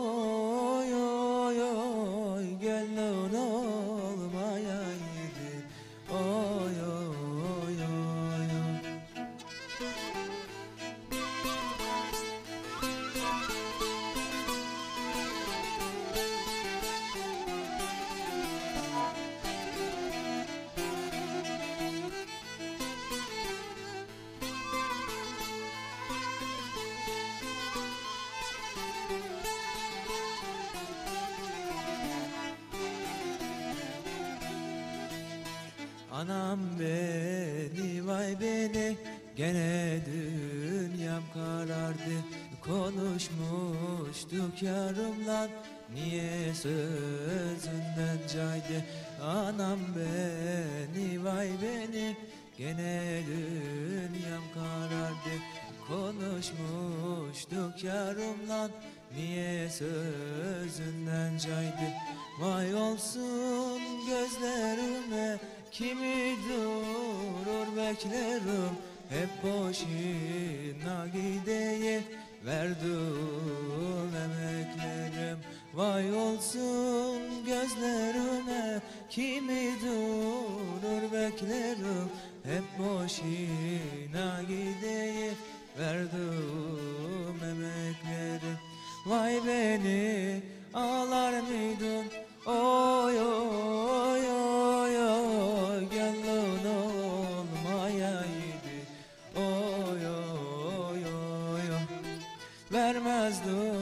sana meyil